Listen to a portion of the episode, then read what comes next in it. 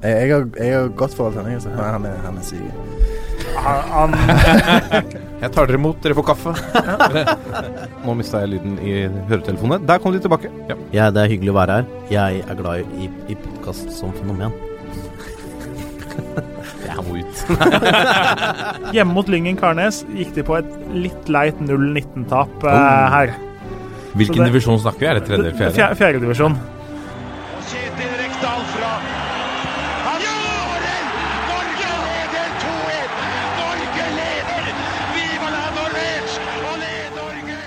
Og der er eh, toppfotball tilbake igjen. god tirsdag, rett og slett som vi har annonsert i sosiale medier. Det er den eh, siste Vi går mot den siste eliteserierunden før eh, det vi selvfølgelig kaller eliteseriepausen, for da skal vårt kjære landslag i aksjon. Og for å sitere eh, vår venn Jørgen Kjernås, som ikke er til stede i dag, eh, han sier at en eliteseriepause sammenlignet med en full eliteserierunde er som å spise kikertburger når du er egentlig keen på en Big Mac. Lasse Wangstein, velkommen. Takk for det, Martin Roppestad. Er du glad i kikertburger? Eh, kikertburger er jeg nok ikke så glad i for det. Jeg har ikke spist så mye. Men eh, kikerter eh, til, som tilbehør kan være ganske godt. Ja. Hva med landslaget? Er du en av de som eh, i, i, Hvis vi kaller det landslagspausen, da, er du en av de som liksom raser mot det og bare gleder deg til Eliteserien sparkes i gang igjen? Nei, jeg er jo ikke det. Jeg er jo veldig glad i landslagene våre. Så jeg klarer jo å glede meg over at det er landskamper, så lenge Norge er involvert. Eh, men jeg er jo også veldig glad i at det spilles eliteserie i Obos-liga, så det blir sånn eh, litt sånn tvega sverd, det der, da. Men eh, jeg skjønner jo at det skal spilles landskamper òg, og nå har vi jo en alle tiders mulighet da, til å kanskje nå et mesterskap for første gang på veldig, veldig lenge. Og da, da Det merker man jo litt, at det blir litt sånn ekstra engasjement rundt det. Ja, uh, apropos det skal vi snakke litt mer om i, i Pulsen annet, om troppen og litt tanker rundt det. Uh, og så har vi med en mann som har eh, plukket et nytt poeng i serien, og da er han selvfølgelig på plass. Ole Martin Esselquist, velkommen. Takk for det. Er du fornøyd etter helgas Obos-ligarunde? Nei, vi helgas da, begge kampene, da. Det er klart 1-4 mot LSK er jo ikke eh, er vi ikke veldig fornøyd med, men vi er fornøyd med det vi gjør de første 40, frem til eh, kampen ble ødelagt av krefter eh, vi ikke får kontrollert. Uh, Ja, for det må du utdype litt, det så jeg på Twitter også. Det har vi ikke fått uh, snakka om. Disse kreftene. Ja, nei, det er jo uh, Det er sånn innimellom, dessverre, i norsk fotball og internasjonal fotball at uh, kamper lar seg prege av eh, avgjørelser eh, tatt med fløyte. Så eh, Sånn er det innimellom, dessverre. Men eh, 1-1 mot eh, Ranheim eh, er vel et ok resultat. God førsteomgang, ikke så god andreomgang, men eh, ja, det er ikke mer enn en måned siden vi tapte 1-0 på Åråsen og skapte ikke en målsjanse. Nå skapte vi 4-5 ganske store på 40 minutter og tapte 5-1 mot eh, Ranheim og blei eh, rundspilt, som det heter på godt norsk. Eh, det blei vi ikke i går, så vi, vi er på riktig vei.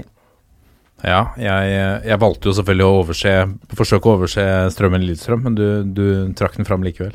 Ja, hvis, hvis ikke så blir den jo trukket fram av noen andre i ettertid, garantert, så jeg kan like gjerne gjøre det sjøl.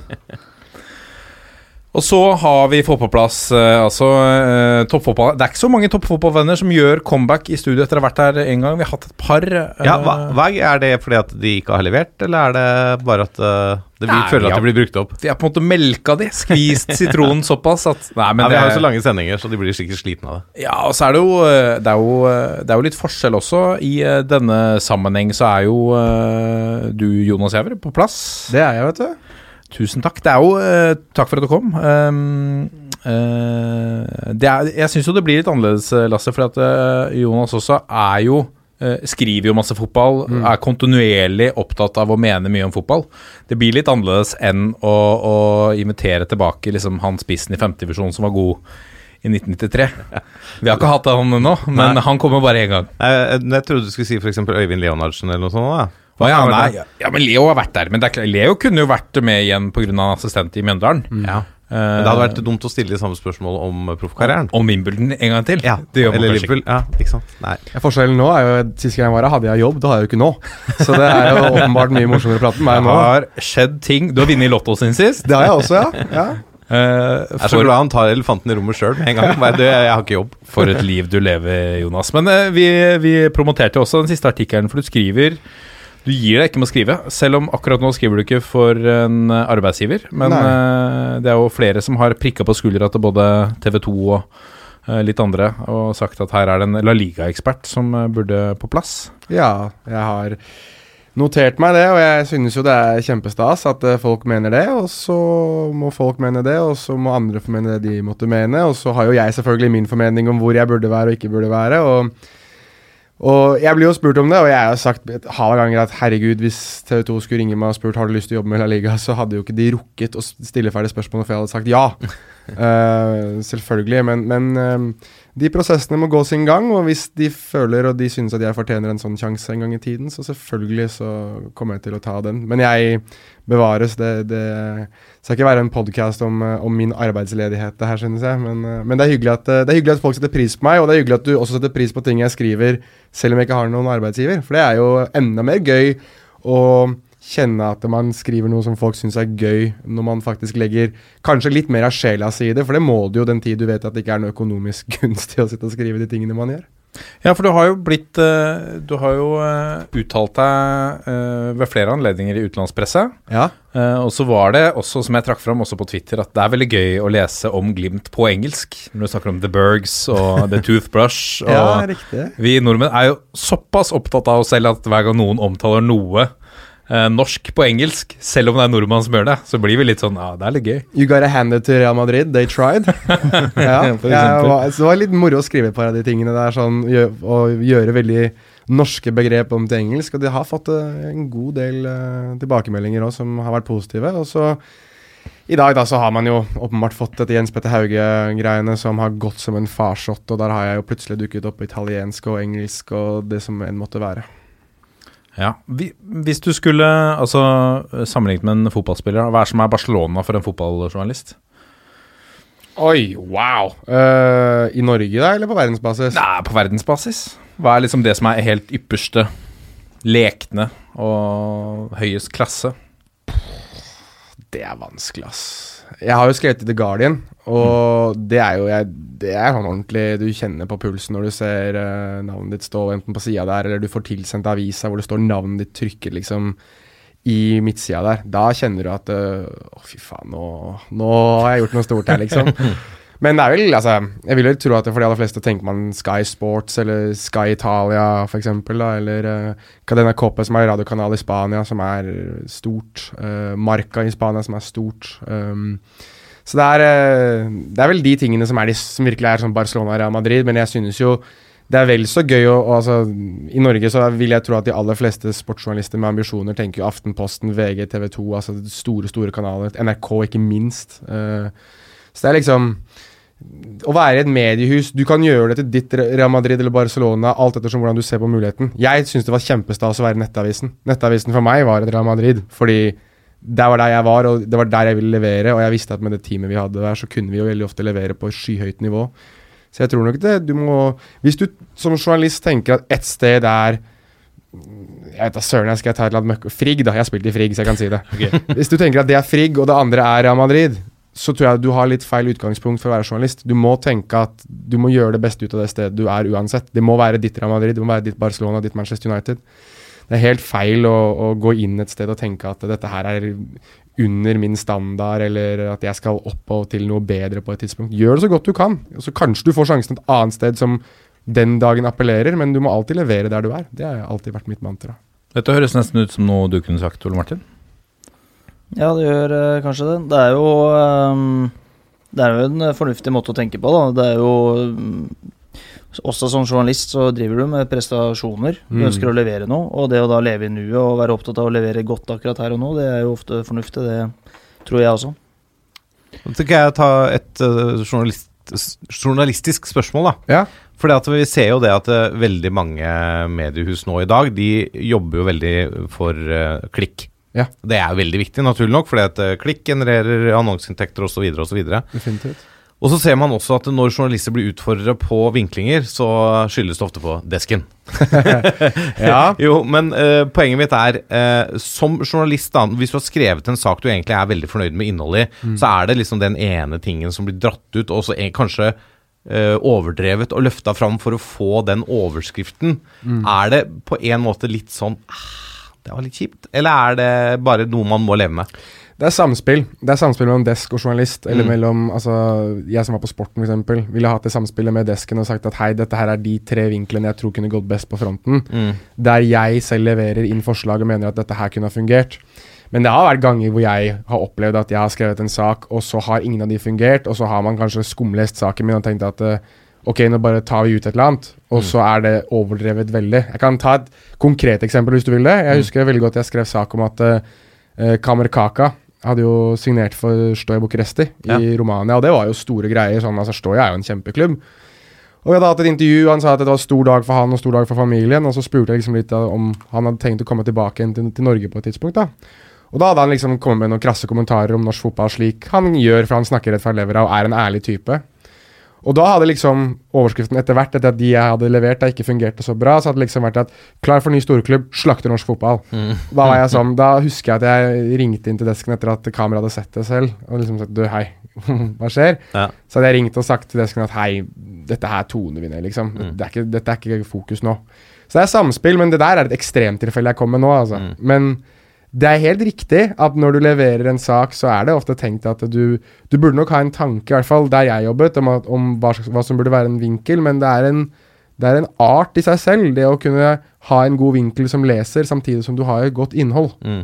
Og at, to, at både vinkel og innhold samsvarer på, på et visst vis. For det er jo visse Det er jo noen saker som Det er liksom vinkel og, og innhold ikke Ja, jeg, jeg leser, det er flere ganger jeg leser saker hvor jeg ser en overskrift, og så leser jeg saken, og så klarer jeg ikke å finne igjen Men da, da har du tapt. Da har du tapt. Du har klikket allerede. Ja, jo, jo, men det er jo, jeg er jo en taper i så henseende. Jeg, jeg leser jo artikler om sport. Ja, ja. Altså, jeg, Uansett hva overskrift Altså, jeg driter i overskrift, så lenge det er noe jeg tror er interessant for meg, fordi at det er klubb eller landslag eller en spiller jeg interesserer meg for, så vil jeg jo lese det.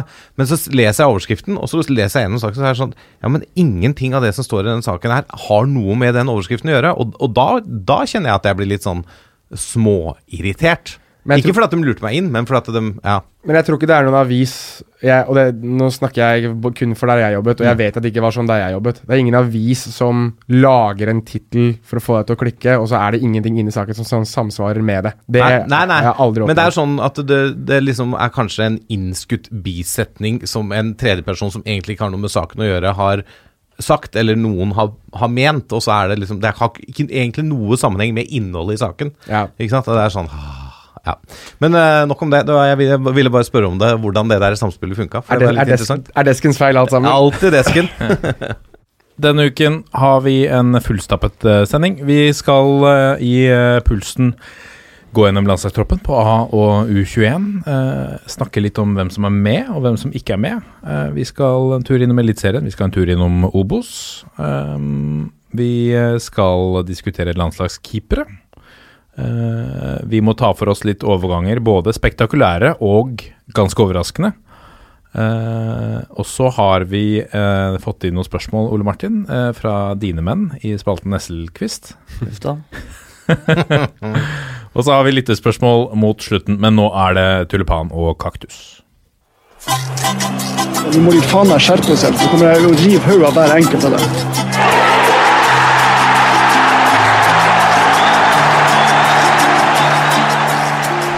Og da er det duket for ukens tulipan og kaktus, som jeg eh, frykter eh, denne uka eh, ved spaltens president eh, Lasse Makse. Ja, for som eh, meldt på Twitter, så går jo ukens kaktus til eh, SoMe-ansvarlig i toppfotball. Selveste mannen som sitter overfor meg, Martin Roppestad. For rein mobbing på lekeplassen. Makan, sånn kan vi ikke ha det. Å dra fram sånne gamle bilder som er eh, stygge minner fra en vond tid i livet mitt, det er ikke bra, altså. Du er altså posert i Lillestrøm-drakt. Du, må, eh, du måtte uh, forutse da det skjedde at dette kom til å forfølge deg til du ligger i grava. Ja, ja, selvfølgelig. Kanskje, jeg skal love deg rett etter at du er i grava, skal jeg printe ut det bildet og skal jeg legge på grava di. Ja, det skal du vel. Hvis ikke jeg ryker først. Ja, nei, det... Hva er historien bak bildet? nei, det er jo et uh, tapt veddemål igjen, da.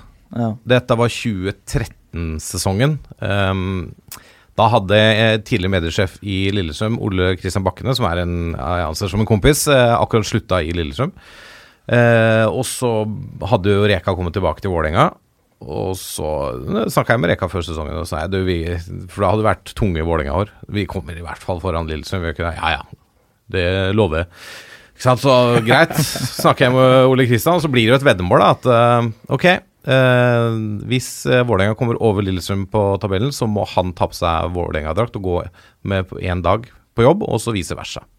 Så klarer jo Lillestrøm da karre seg foran Vålerenga. Så Mm.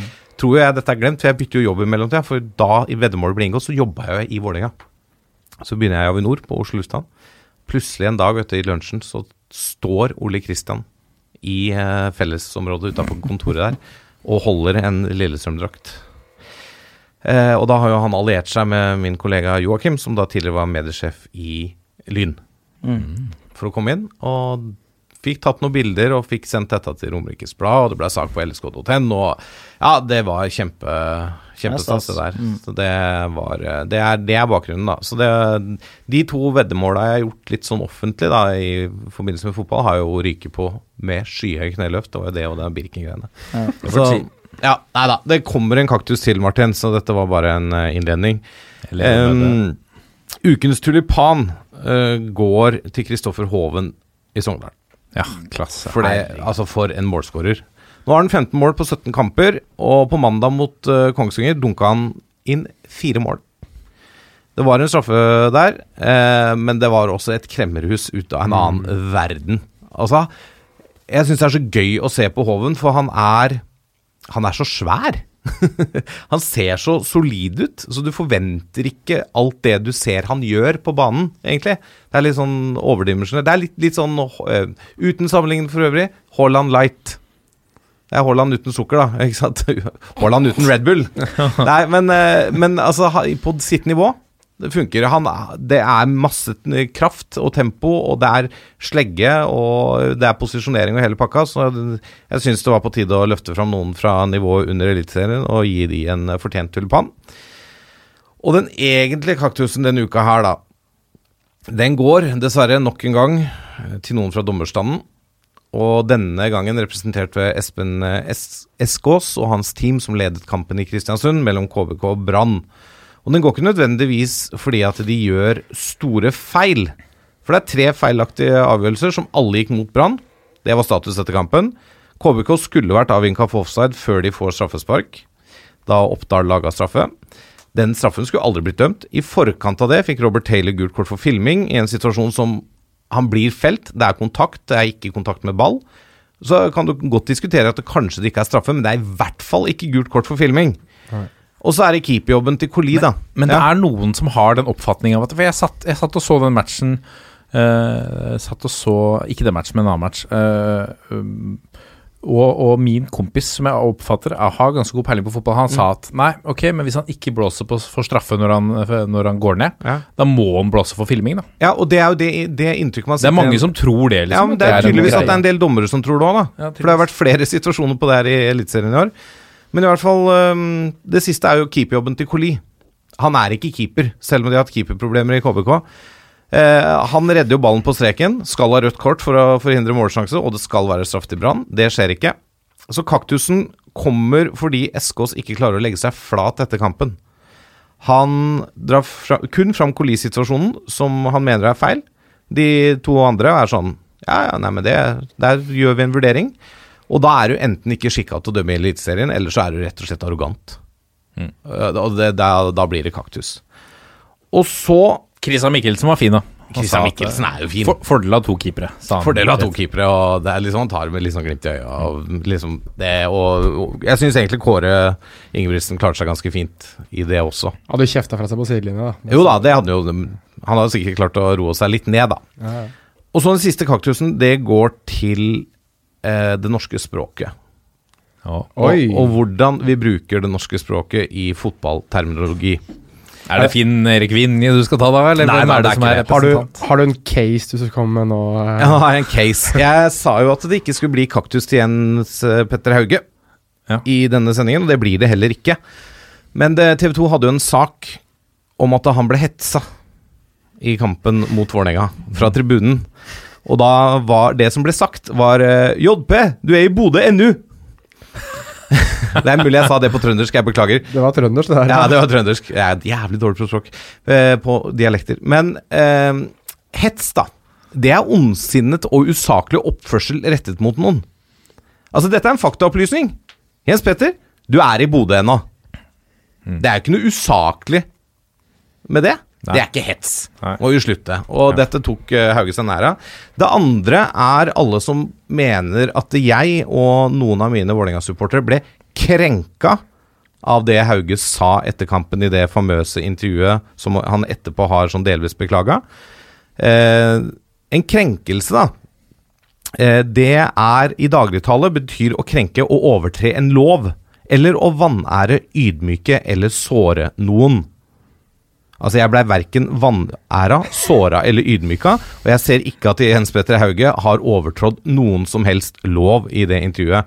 Det jeg påpeker, det er humøret hans. Det er helt greit at han sier at ja, Vålerenga sier de skal komme hit og vinne, og da må de faen meg stille opp. Men altså, han står der og har vunnet en kamp. En hardt kjempa kamp. Eh, de har sikra seriegullet. Altså, la oss være ærlige. Bodø-Glimt blir seriemestere. Og så er han potte sur som en grinete unge som ikke har fått det han ønska seg til jul. Det er det jeg reagerer på. Det er, det er inngangen til måten han tar intervjuet på, måten han skal slakte i hermetegn Vålerenga på. Det, er, det, det er ingen som blir krenka av det. Man, altså, folk er mer overraska over at han opptrer på den måten. Ok, det, Jeg kan ikke snakke for alle, men jeg kan snakke for meg selv. Jeg ble ikke krenka av det. Nei. Så vi må bruke disse orda litt riktigere. For det, det, er, det er veldig populært å snakke om krenkelser i dagens samfunn. Det er populært å snakke om hets, men da må vi i hvert fall vite hva det betyr, da. Det er Lukter godt. ny sagt. spalte her, eller? Norsktimen med Lasse Wangstad. Du skal Absolutt. stille spørsmål og sette spørsmålstegn. Hei, Joakim Jansson. Han er jo Må, må unnskylde han, Han er svensk. Ja, Ja, ja. unnskyld litt. Han bodde i Norge i 40 år. Han, Følg med i eh, januar 2021. Da kommer eh, Moderne Media med en ny podkast med Svea og Lasse Wangstein om Norskens rike. Husk det, Ole Martin. Språk er ferskvare. Ja. Svea også er jo beinhard på de greiene her. Og Davy. Og, de, og de, dere tre kan studere sammen inni Jeg er med. Ja, det er en oppfordring. Nå kommer pulsen. Og vi begynner pulsen med landslagstroppene som er tatt ut på henholdsvis A- og U21. Um, og uh, la meg begynne med deg, Jonas. Du uh, uh, tok jo til orde sammen eh, med for så vidt undertegnede for uh, forrige ukes gjest. Uh, anbefales for øvrig den episoden. Blir ikke bedre kjent med Tokmak Ngien, som herjer uh, for Ferencvaros. Eh, og er ganske frittalende om, om, om tilværelsen der nede. Jeg likte spesielt at han sa at Jeg spurte han hva er det beste med Budapest. Nei, det er at det er så mye å gjøre, og det er så mye liksom, i restauranter og Så spurte jeg hva er det verste. Eh, nei, det er at det er så mye å gjøre, og jeg er bare keen på å være hjemme. Spille Viva og FM og slappe av og sånn. Så det var, det var et helvete, det var et helvete hver gang det kom, for det kommer gjester hele tida. For de elsker jo byen, alle som kommer. Så gjester og familie og alt mulig kom ned, og det var slitsomt. da. Må, må han gjøre alt sammen om igjen, om igjen, om igjen. Ja, helt sikkert. Det er noen eh, Jeg har vært der to ganger sjøl, det er en nydelig by. Så det, men det er jo en del ting som du Som du holder å gjøre én gang, på en måte. Det tror jeg på. Uh, men ja, uh, vi uh, Du var en av de som etterspurte Tokmak Nguyen før uh, uttak av den troppen. Han ble jo tatt ut i den såkalte bruttotroppen, som er som er det, det som må til for at landslaget skal kunne Altså de skal kunne varsle klubben om at her kan det komme et uttak. Men han sto ikke på lista til slutt. Er du overraska, Jonas? Jeg er ikke overraska over det. Um, nå var jo Denne troppen her er jo større enn vanlig. Det er vel 26 mann denne gangen. Så jeg, jeg, da Lars Lagerbäck sa det under pressekonferansen, så tenkte jeg at ok, her kommer det i hvert fall én eller to overraskelser, tenkte jeg. Det første som slo meg, at det her kan være muligheter for at han prøver noe nytt. og jeg synes at en, en type som Tokmak uh, ville ha gitt mening, for han har noe veldig unorskt over seg, om noe som det ikke er i den troppen. Og det er en form for X-faktor å kunne skape ting på egen hånd, enten det er bredt i banen eller sentralt. Jeg brukte i, eh, jeg brukte en lille analyseverktøy jeg har for å liksom vise fram bl.a. et par av de tingene han kan gjøre. og Der er det han kommer dypt i banen og slår bare egentlig en, en ganske fantastisk pasning over to ledd. Og skaper den 1-0-skåringa til Ferencvaros på bortebane mot Molde. Og jeg tenker jo at eh, Å ha en sånn type som er så komfortabel med å vandre i banen og kunne gjøre slike ting samtidig som han har vist i Ungarn og også i Champions League-kvalifisering mot Djurgården, mot Celtic, at han er en mann for de store anledningene, så så ville jeg tenkt at han ville vært en fantastisk type å hatt, i hvert fall som et alternativ. Nå sier jeg ikke at han skulle inn og spilt masse, men jeg tenker at eh, i mitt hode så har et landslag alltid vært et hierarki, men samtidig også et meritokrati. At hvis du presterer, så må du være med på et landslag. Og nå er det ganske vanskelig, slik det var med Gia Zaid i sin tid, så er det ganske vanskelig å finne argumenter mot hvorfor ikke Tokmank i hvert fall skulle vært med i en tropp. Så det at han ikke engang er med i den troppen, det synes jeg er, eh, er ganske overraskende på én måte, fordi han har prestert så bra, men så er det ikke overraskende fordi at eh, Lars Lagerbäck har sine utvalgte, og det har vist at det gir eh, At det er hold i det. da, At han får resultater ved å ha den kjernetroppen han liker å ha. Men jeg synes det er urettferdig, eh, skal jeg være helt ærlig, mot en type som Tokmak i, i, i eh, sum av de prestasjonene han har hatt. Ja, Det er jeg helt enig i. Altså, du kan ikke ta han på prestasjonene. Og eh, ref svensken i indre bane, fotball er ferskvare og alt det der. ikke sant? Altså, Han er jo åpenbart uh, har ferskvare akkurat nå. Han er i form. Han leverer. Uh, men så er det det du sier. Lars Lagerbäck har sine utvalgte som han bruker, og så henter han opp fra U21. For dette, det er i samme systemet. Det, han har god dialog, i hvert fall kanskje Perry, i hvert fall, har med U21-ledelsen. Eh, så det er liksom Hauge og Østigård opp nå, ikke sant? Mm. og så blir noen flytta fra G19 opp til U21 osv. Det, det er litt gangen i det. Det som kanskje overrasker meg mest der, er jo at eh, han nesten bytter ut hele midtstopperteamet sitt. Det er liksom uh, Østigård kommer inn, ikke sant, og Hovland er ute siden sist. Eh, det er eh, mye endringer på midtstopperplass. Jeg er litt spent på hvordan han skal komponere den duoen bak der, da. Det blir vel fort Reginiussen og Ayer. Ayer, ja. Men uh, det er noen som banker på døra der, og Østigård har jo sagt at han er ikke her for å være turist. Nei, men han har jo den der herlige Han har skalle, altså. Han har skalle og punch og det som er, og han har jo vært nære scoring for Coventry allerede i Mm. championship og det, det som verre er. Så altså det fremtidige stoppeparet til Norge er jo Østigård Ayer. Det er ikke noe å diskutere engang, tror jeg. Uh, med mindre det skulle skje noe helt vansinnet at noen andre skulle komme inn der. Men eh, men nei, altså, jeg er helt enig med det Lasse sier her, i, i, i tråd med hvordan landslaget fungerer og hvem de henter opp. Men jeg, jeg tenker jo at det, det må føles ganske surt, eller til syvende og sist så blir du sikkert litt apatisk til det, fordi du aldri blir tatt ut. Men, men jeg tenker jo at det er veldig mange spillere som gjennom årene må føle at de blir litt oversett. Altså Jeg husker annet at det var jo ren oppstandelse da, da Pål Alexander Kirkevold ble tatt ut på landslaget, f.eks. Da hadde han jo skåret i 13 kamper på rad eller hva det var for noe i Danmark. Mens Gia Zaid lå på hadde vel mest målpoeng av alle i Europa, altså foran Lionel Messi og Cristiano Ronaldo. Ble fortsatt ikke tatt ut på landslaget fordi han spilte på Kypros. Altså det er Jeg vet liksom ikke helt hva som er tanken og logikken bak alt en landslagstrener velger å gjøre, men jeg syns det er litt vanskelig å argumentere mot uh, metodikken til Lars Lagerbäck i tråd med at han faktisk får resultatene. da. Ole Martin, eh, som Lasse var inne på, det er kommet inn spesielt da, det er kommet inn to nye stoppere i Stefan Strandberg og Leo Schiri Østegård. Eh, tenker du, som, som en trener, tenker du at eh, han flytter opp Leo Schiri nå fordi at han ser for seg at dette er, eh, dette er eh, framtidsparet, sånn som Jonas eh, sier, og så baker han han inn i troppen sånn at han kanskje er klar for å plukke opp hanskene umiddelbart etter Regg er, Tore Regg er ferdig? Ja, det kan, kan godt være at det, er, eh, at det er begrunnelsen. Det er jo Det er vel på stopperplass vi eh, kanskje har det mest usikre kortet med tanke på framtida òg. Da er det jo sikkert gunstig å løfte den opp for å bli kjent med den og få en bedre referanse på hvordan, hvordan han ligger an. For det er jo Jeg syns Tore Reginiussen er en eh, veldig bra midtstopper i, i Eliteserien, og han greier seg også internasjonalt eh, på rutine, men eh, det er jo et spørsmålstegn hvem som eh, både på kort og lengre sikt blir makkeren til Ayer. Jeg også tror vel at det ender opp med Østigård, men eh, det er mulig de sjekker allerede nå da, om han er klar for å ta den kanskje allerede neste år og inn mot et eventuelt mesterskap. Eh, så det blir det er, nok sikkert det som er bakgrunnen for det. Og så spiller han jo på et bra nivå, og han er veldig type. Han er lederskikkelse og har alltid fremstått som det, så det er det hadde vært spennende å sette den, eh, sett den i, eh, i en av matchene nå, sammen med Maier, for å se hvordan det kan bli. Ja, for det, Reginiussen har jo tidligere signalisert at dette blir siste sesong, og så tar han sannsynligvis nå en til, i hvert fall hvis det blir mesterskap. Men nå er det jo kamper 8., 11. og 14. oktober. Eh, Reginiussen han spiller ikke alle de tre kampene. Det er, det er ofte noe småplukk, ikke sant. Det er noe småsmeller, og, og han har ikke en kropp som tåler tre kamper på seks dager. Så eh, sjansene er jo enorme for enten Strandberg og Østegård til å få en eh, match da, i midtforsvaret. Det er kanskje den mot Romania i midten der, da, eller om uh, Reginussen spiller to, og så få en av de Nord-Irland-kampen. Jeg vil jo tro Ayer klarer alle tre, men at vi får se en av de to gutta i uh, par med Ayer i løpet av de tre kampene her, det er jeg ganske sikker på. Så er jo eh, også Sigurd Osted henta inn igjen, så det var, du har jo egentlig Ja, du har jo egentlig fem å spille på. Ja, ja så, så bak Tore Regg så er det jo en, er det en liten gjeng som i utgangspunktet, merittmessig, eller i hvert fall de siste årene, så ligger, eh, så ligger jo eh, Sigurd Osted litt foran de andre. Men så er jo på en måte da Leo Schiri Østegård er framtida, men Stefan Strandberg er på en måte verken fugl eller eh, fisk. Han har blitt 30 år, han. Ja.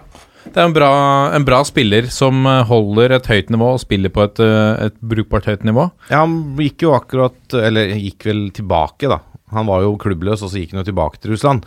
Eh, og har jo slitt mye med skader de senere åra, men han har jo en fantastisk pasningsfot til å være midtstopper. Han er jo vokst opp som defensiv midt eh, og ballfordeler, og blei jo egentlig omskolert i Vålerenga til stopper. og i den 2010-sesongen da Vålerenga skulle være veldig spillende med stopper som flytter opp i midtbaneleddet og sånn, eh, fikk han utvikle seg veldig, og har jo egentlig um, på mange måter, syns jeg, skapt karrieren sin på den gode foten, men så har han også den skallen, han òg, da.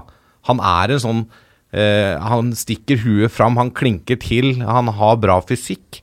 Uh, og så er han jo en type som mange kanskje ser på med litt sånn skråblikk. Syns han er litt typete. Men det er jo litt den janteloven igjen sikkert som slår inn. Men eh, eh, Ken Remi, Stefan, han er, uh, han er en type som uh, helt klart kommer til å gjøre en jobb, han hvis han blir dytta inn. Vi har etterlyst i flere år, altså ikke nå i det siste, men, men før dette, typer på landslaget som Lasse er inne på. De som stikker huet litt fram. Mm. Vi har sett at Omar El Abdelawi, eh, når han er kaptein også Altså Han eh, går jo i duell med, med det som måtte være. Kriger inn, risikerer på det ene og andre for å få en assist eller en scoring. Uh, vi har nå flyttet opp Leo Schiri Østegård. Uh, Patrick Berg har jo jo meldt tydelig. Jeg syns det var veldig treffende da han meldte til Kjetil Knutsen at da han fikk beskjed om at du er tatt ut på landslaget, og så svarte han bare at ja, er det lov å si at det var litt fortjent? Det er deilig, altså. Eh, Du har sånne, du har Sander Berge, som også er en type, men kanskje litt sånn går litt stillere i dørene, i hvert fall utad. uh, og så har du selvfølgelig altså Du har Josh King, Erling Braut Haaland, også nå Jens Petter Hauge, som har vist seg som en type, ikke bare for å være litt kanskje sutrete, men også vært tydelig på at uh, han skal ned og spille seg inn på laget i Milan. Du, har jo også, du må jo ta med Alexander Sørloth her, da, som står og liksom hauser Ja. på seg legenden Emre. Emre, liksom. Da er du, da er du type. Altså heltestatus og evig for det han gjør der, uh, Sørloth. Men, eh, men det, vi, har- vi snakka jo om det for noen år siden, da det var litt trått med landslaget, at vi savna disse signalspillerne, disse typene som vi hadde på 90-tallet. ikke sant? Med Rekdal og Myggen og Berg og Johnsen og Bratseth og Thorstvedt og Grodås og hele den der bøtteballetten der. ikke sant? Det var typer he over hele fjøla. Det var Flo. Altså Jostein spesielt, da. Bjørneby. altså det var Nei, ja, Haaland senior var jo innom en tur der, ikke sant. Det var jo typer hele veien. Og nå, begyn- nå syns jeg vi begynner å se at vi får litt mer av det, da. At vi får de der vinnertypene, de der skallene som trøkker til, og som, som gjør seg liksom synlige. Vi snakket om i stad, Ole Martin, at uh, på stoppeplass er det kanskje den litt mest Altså den mest usikre plassen potensielt. eh, eh, men eh, da adresserte du ikke keeperplassen, som, som jo har endra seg fra å være en posisjon som vi var helt ubekymra Vi hadde Bundesligaens en av de i hvert fall, altså topp tre beste keeperne, om ikke den beste. Eh, nå sliter Jarstein sliter benken. Ørjan Nyland er jo fjerdekeeper i Villa. Uh, og nå er uh, André Hansen uh, plutselig blitt motivert eller overtalt til å, til å komme tilbake. Tror du at uh, Lagerbäck har sett her at uh, nå er Jarstein litt på vei ned? Her er det mulighet for André Hansen til å kapre en førstekeeperplass? Jeg, jeg aner ikke hva Lagerbäck tenker, men for meg så er det klink at Jarstein skal stå. For han uh, Nå skal vi spille en viktig kamp mot Serbia. Han har spilt mye viktige kamper de siste åra. Og han er i en alder og har en rutine hvor for meg så er det ikke det at han har sittet på benken nå i det siste, det, det er ikke nok til å sette den ut for meg. Da, for han har det beste toppnivået, han er den beste keeperen. øh, og han har erfaringa. Og han, øh, Han uh, syns jeg har fremstått som en eh, leder for landslaget vårt de siste åra, og da for meg så skal han stå. Men nå er det jo fortsatt ikke jeg som tar ut laget på landslaget. Men, men bak han, da? Hvem er det du anser som nærmest? André Hansen eller Ørjan Nyland? Eh, nei, jeg syns André Hansen er en, uh, er en bra keeper. Han også hadde vært god nok til å spille i en del utenlandske ligaer, uh, tror jeg helt klart. Nyland syns jeg er vanskelig å si, for han er jo har stått noen kamper her og der for Villa og gjort det ok, men også vært involvert i noen uheldige situasjoner. Men han er vel den som totalt sett siste tre åra har spilt minst kamper da, på bra nivå. Så det syns jeg er vanskelig å si noe sånn helt bastant om hvor han står. Så jeg ville vel kanskje hatt André Hansen som nummer to, men ja, jeg kjenner ikke nok til eh, Nyland. Er du bekymra for keeperplassen, Jonas? Nei, jeg er egentlig ikke det. Men jeg, det er jo en vi ikke nevner her noe særlig, men som jeg i hvert fall har vært imponert hver gang jeg har sett han spille, og det er jo Sten Grytebust. da. Han er jo ikke han med nå, men det, jeg synes at det sånn jevnt over synes jeg han har vært en, en stødig keeper uh, alle gangene jeg har sett han. Interessant nok så ble jeg kontaktet av en eller annen på Twitter i dag som sa at han jobber for det liberiske fotballforbund, som lurer på om jeg kunne gi en kontakt uh, detaljene til Sten Grytebust. Han har tydeligvis noe aner der. Så plutselig så kan det være at Liberia blir interessert i å få han som sin nye keeper, hvis det er tilgjengelig. Jeg vet ikke om det er det, men Ja, han har jo landskamper. Men har han det, men har han det i Qualic eller noe sånt, da? Uef, nei, Uefa, Fifa Han holder ikke å spille privat, da? Nei, Nei. det gjør det ikke. Så det nei, kan er jeg ja. Han har vel noen omganger nå, da. Jeg husker ikke. Men han er vel også nummer to i København akkurat nå. Ja, ja, det er jo han, men jeg mener, jeg, mener, jeg vil jo jeg, jeg er helt enig, han er en veldig god keeper. Men ah, jeg, forstår jo hvorfor Hansen kommer inn for det er, Grytebust. det er riktig, men jeg vil jo tro at han, hvis han er andrekeeper i, i FCK, så vil jeg tro at han potensielt burde se seg mot en ny klubb snart. For han er for god til å sitte på benken, enig. uansett hvor han er hen, egentlig. Mm. Jeg syns at toppnivået til Sten Grytebust i hvert fall er det nest beste bak Jarstein. Mm. Det mener jeg oppriktig. Um, og, det, og det handler også litt grann om at han har litt andre type Han er en annen type keeper enn det Jarstein er òg. At han er mer en reflekskeeper, mens jeg vil si at Jarstein er en mer kontrollerende keeper i området sitt og, er generelt sett mer rolig. Mm. Og må ikke ned og ta de vanvittige redningene som Grytebust har vist ved en del anledninger i løpet av sin eh, karriere. Men, men jeg synes, jo- jeg synes det er litt sånn merkverdig at man plutselig står i en situasjon der, den, der det er keeperplassen som er det mest største varselstegnet er rundt den plassen det er på det norske landslaget, når det alltid har vært den plassen som har vært eh, bankers. Men ikke alltid. Hvis vi går tilbake Nei, nei. Vi, vi har jo surra litt rundt eh, der nede også. Vi har mista et mesterskap pga. Ja. keeperplassen. Men det begynner etter, mange år siden. Absolutt, men etter Jeg husker liksom jeg begynte å tenke tilbake i hodet nå. Etter Thorstvedt så hadde vi en periode med Grodås. Og så var det mye fram og tilbake. Eh, mye inn og ut. Og jeg husker en gang vi, vi spilte jo med Grodås som landslagskeeper da han spilte i førstedivisjon for Hønefoss, blant annet. I Det var pga. skader, var det ikke? Ja, det kan være. Ja. jeg er født i 92, vet du, så jeg husker ikke at det var så mye grøsomhet en gang i tiden. Men, uh, men, men altså, for ikke å være helt flåste, altså, det har i hvert fall vært den posisjonen som har vært ganske bankers over lang tid. Ja, det er riktig. Og nå er det den posisjonen som det er eh, mest spørsmåls... Der man setter flest spørsmålstegn. Lasse Mangstein. ja, ikke sant. Nå er du god. Takk skal du ha. Så Nei, jeg, jeg tror at eh, Jeg tror at altså For Nyland sin del så må han fall finne seg en ny klubb, og tydeligvis Grytebust også, men det er jo åpenbart at jeg tror Jarstein og de fleste som spilte den kampen mot Nord-Irland, kommer til å starte kampen mot Serbia, for det er den viktigste av disse kampene her. Og så vil det være veldig interessant i typ Nord-Irland-kampen, f.eks., hvor man allerede har et godt overtak på det, men man da kan prøve ut f.eks. André Hansen, og også en del av disse forsvarskonstellasjonene som vi har vært inne på her nå. Så det blir veldig Jeg tror at eh, man nesten kan sette opp den lagoppstillinga mot Serbia nå, jeg, og ha den ganske klar, pga. de relasjonene som er innad i det laget, og så kan det være at man ser noen litt sånne spennende varianter mot eh, Spesielt mot Nord-Irland. Og, og så tror jeg ikke det blir sånn mot Romania, for Romania kan bli en ekstremt viktig kamp. Og så er jeg helt enig med um, Ole Martin at uh, Jarstein står nå. Uh, Og definitivt. Ja, ja, ja. ja. ja. Men hvis han sitter på benken uh, over nyttår, når vi begynner med en ny landslagsrunde eh, i mars-april, Mm.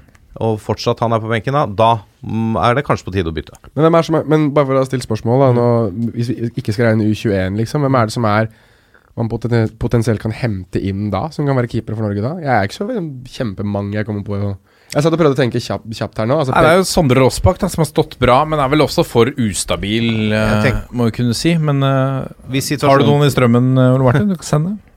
Han hadde feberredning nå sist Hva heter han godeste um, Lillevik. Ja. Lillevik har vært veldig bra de siste ti kampene. Ja. Så um, var en, Han var oppe og henta nesten i krøstet der med en enhånd, så jeg. mm. Slapp inn uh, mål på corner sju sekunder senere. Da. Men uh, Det- ak det skal du ikke akkurat, si. uh, akkurat den redninga der var det høyt nivå på. Ja. Ja, det var det. Han skapte jo corneren med den redninga. Ja, ja. Ja, så det er jo svakt. Kunne du ikke bare latt den gå? Like greit. ja, ja. Mm. Nei, men det blir jo Altså, hvis situasjonen er som den er nå Nyland fjerdevalg, Jarstein på benken, André Hansen står fast i Rosenborg. Da mener jeg da er det André Hansen som står i mars-april. Jeg er ikke uenig. Uh, hvis Grytebust eh, kommer seg inn i førstekeeperposisjon igjen, så blir det jo en reell kamp mellom de to, mener jeg da. Mm. Hvis ikke han eh, står for Liberia. ja, Hvis ikke han står for. Liberia. Ja, det er sant. Ja. Vi må ta med oss uh, kikke litt på U21 også. Det er jo eh, interessant. Det var jo, den troppen ble jo lest opp uh, før A-lagstroppen, og det var vel da Jens Petter Hauge skjønte at han ble tatt ut på A-laget. Uh, fordi eh, han så at han han mente at han hadde levert nok til ikke å bli vraka fra U21. Eh, Kledelig beskjeden. der har de jo, Det er jo litt interessant, fordi hans må vi kunne si forgjenger på kanten til, til Glimt, Håkon Evjen, har jo ikke fått det helt å stemme, selv om han hadde kanskje en hva skal vi si, en tilsvarende sesong som, med dominans som Jens Petter Hauge har nå. Jeg vil si at Jens Petter Hauge har vært enda bedre. Ja. Det vil jeg mene. Men eh, det er jo likheter i dem i det at de på en måte hadde da sin breakthrough-sesong. da, At det var liksom da de virkelig viste seg for å være de, den, den stjerna de var. Og for, for eh, Evjen sin del så ble han jo i hvert fall under den der idretts- eller fotballfesten så var han vel både årets unge og årets spiller. Og jeg vet at de, i, der jeg jobbet tidligere, så var han årets spiller, og, og det var liksom Det var full ståhei rundt ham. Så ehm, det er jo det som gjør at jeg syns det blir veldig interessant også, nå skal vi sikkert inn på det etterpå, men det, dette med Jens Petter Hauge i Milan, det blir jo veldig spennende, for han tar jo bare det Håkon Evjen gjør, og liksom utvikler det enda litt mer, og skal til en enda større klubb og en enda større, større liga. Så jeg er litt sånn mm, Jeg er veldig nysgjerrig på hvordan det her kommer til å gå, når man, hvis man tar Evjen-historien litt sånn etter, til etterretning. Mm. La oss eh, se nærmere på, på troppen, fordi eh, Osame Sarawi eh, var vel med, så vidt jeg husker, var med G19 eh, forrige gang. Dette er hans første innkalling til U21. Det var vel også på sin plass, eller? Lasse? Ja, jeg synes det. Han var jo i sin første U19-tropp forrige gang. Ja. Og så er det rett opp på U21 nå. Jeg syns Osame Sarawi har gjort det såpass godt i Eliteserien at det er greit å gi ham en mulighet.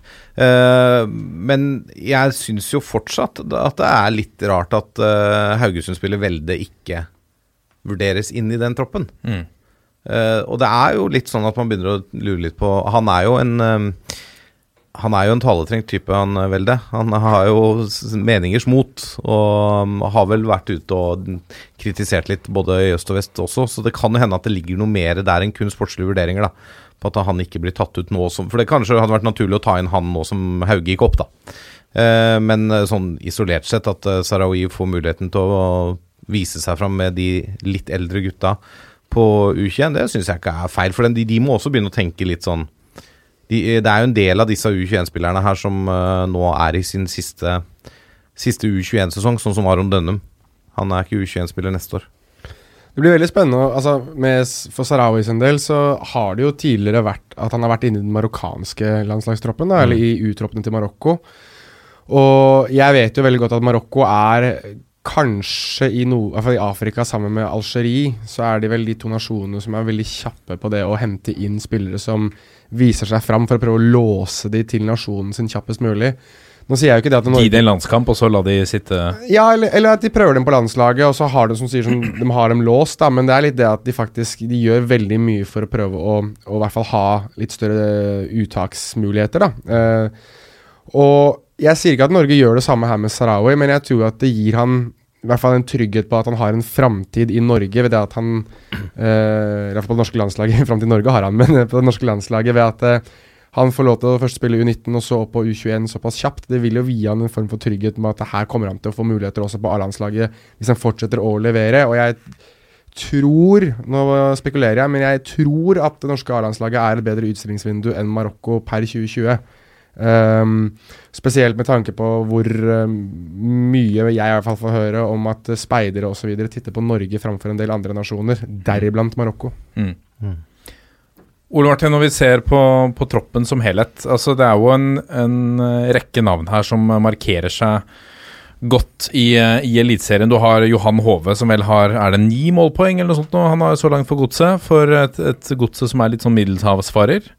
Um, Christian Thorstvedt, som jo det er lenge siden vi på en måte har uh, takket, hva skal vi si, ønsket lykke til i, i eh, Genk. Eh, Du har i det hele tatt en del utenlandsproffer. Jørgen Strand Larsen spiller jo i Groningen, fortsatt ikke scora.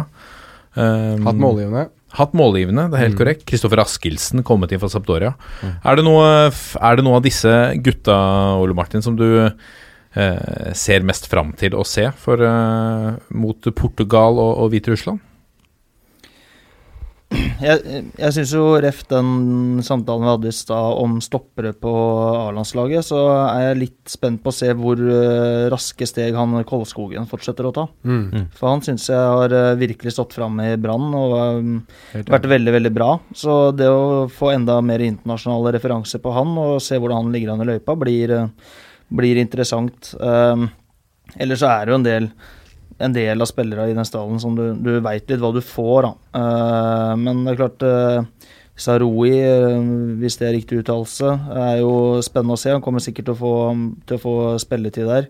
Eh, jeg syns det er interessant å se Børkeie, Evjen, Torste til gutta der, hvordan utviklinga deres er. Det er ikke spillere jeg ser veldig mye av sånn i hverdagen. Brøndby ser jeg litt på, men eh, det er en del spennende gutter i den stallen. Og så er det vel kanskje Kolskogen som jeg syns har imponert meg mest i den stallen her i år, ut fra forutsetninger. Og som eh, det er morsomt å se hvor mye han eh, får ut av de internasjonale referansene han får. Nå er han veldig veldig ung, da, men den spilleren jeg kanskje i hvert fall skulle likt og sett være med i en sånn tropp, og jeg er jo litt mer kynisk enn resten uh, når det kommer til det her. Men jeg tenker jo at det kanskje det ville vært lurt bare for framtidens del å hatt Martin Palumbo i en tropp. Altså Odinese-spilleren som har kommet inn en del for Odinese i Serie A. Nå er Odinese en klubb som er glad i å gi spillere sjanse og så selge dem for mye penger, og at det liksom er litt av modellen deres. Men her har du en type som har vært innom norske U-landslag tidligere, jeg tror også har vært innom italienske U-landslag. Så åpenbart så er det noe spennende ved eh, Palombo.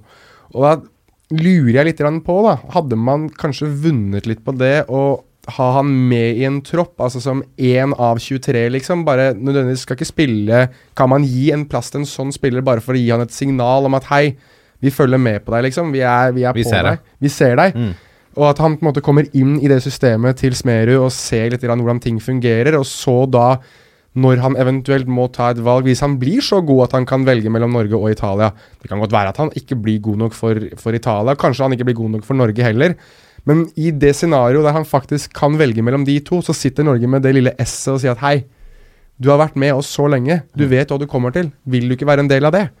Det Ta en Marokko, rett og slett. Ta en Marokko, rett og slett. Ja. Men, men, men som jeg sier, jeg er litt mer kynisk. og Jeg vet at dette her er, er et tema som veldig mange er uenige med meg i, og jeg skjønner det. Men jeg tenker jo også litt det at dette her er en resultatdreven idrett. Og eh, hvis du kan Jeg sier ikke at man mitt, mitt, Min første tanke var å ta han rett opp på A-landslaget og gjøre det der. Og få han igjen den ene kampen og låse ham. Men jeg tenker hvis jeg skal liksom få litt ned på kynismen og litt mer på den der nasjonalfølelsen, eller eh, det litt mer romantiske Hvorfor ikke ta han med på U21? da? Hvis du har en unggutt som Sarawi allerede, som er 18-19, så hadde det sikkert vært plass til Palombo også, som er, som er vel 18. Han er vel 2000-2001-modell. Men han er ikke henta inn på G19, eller?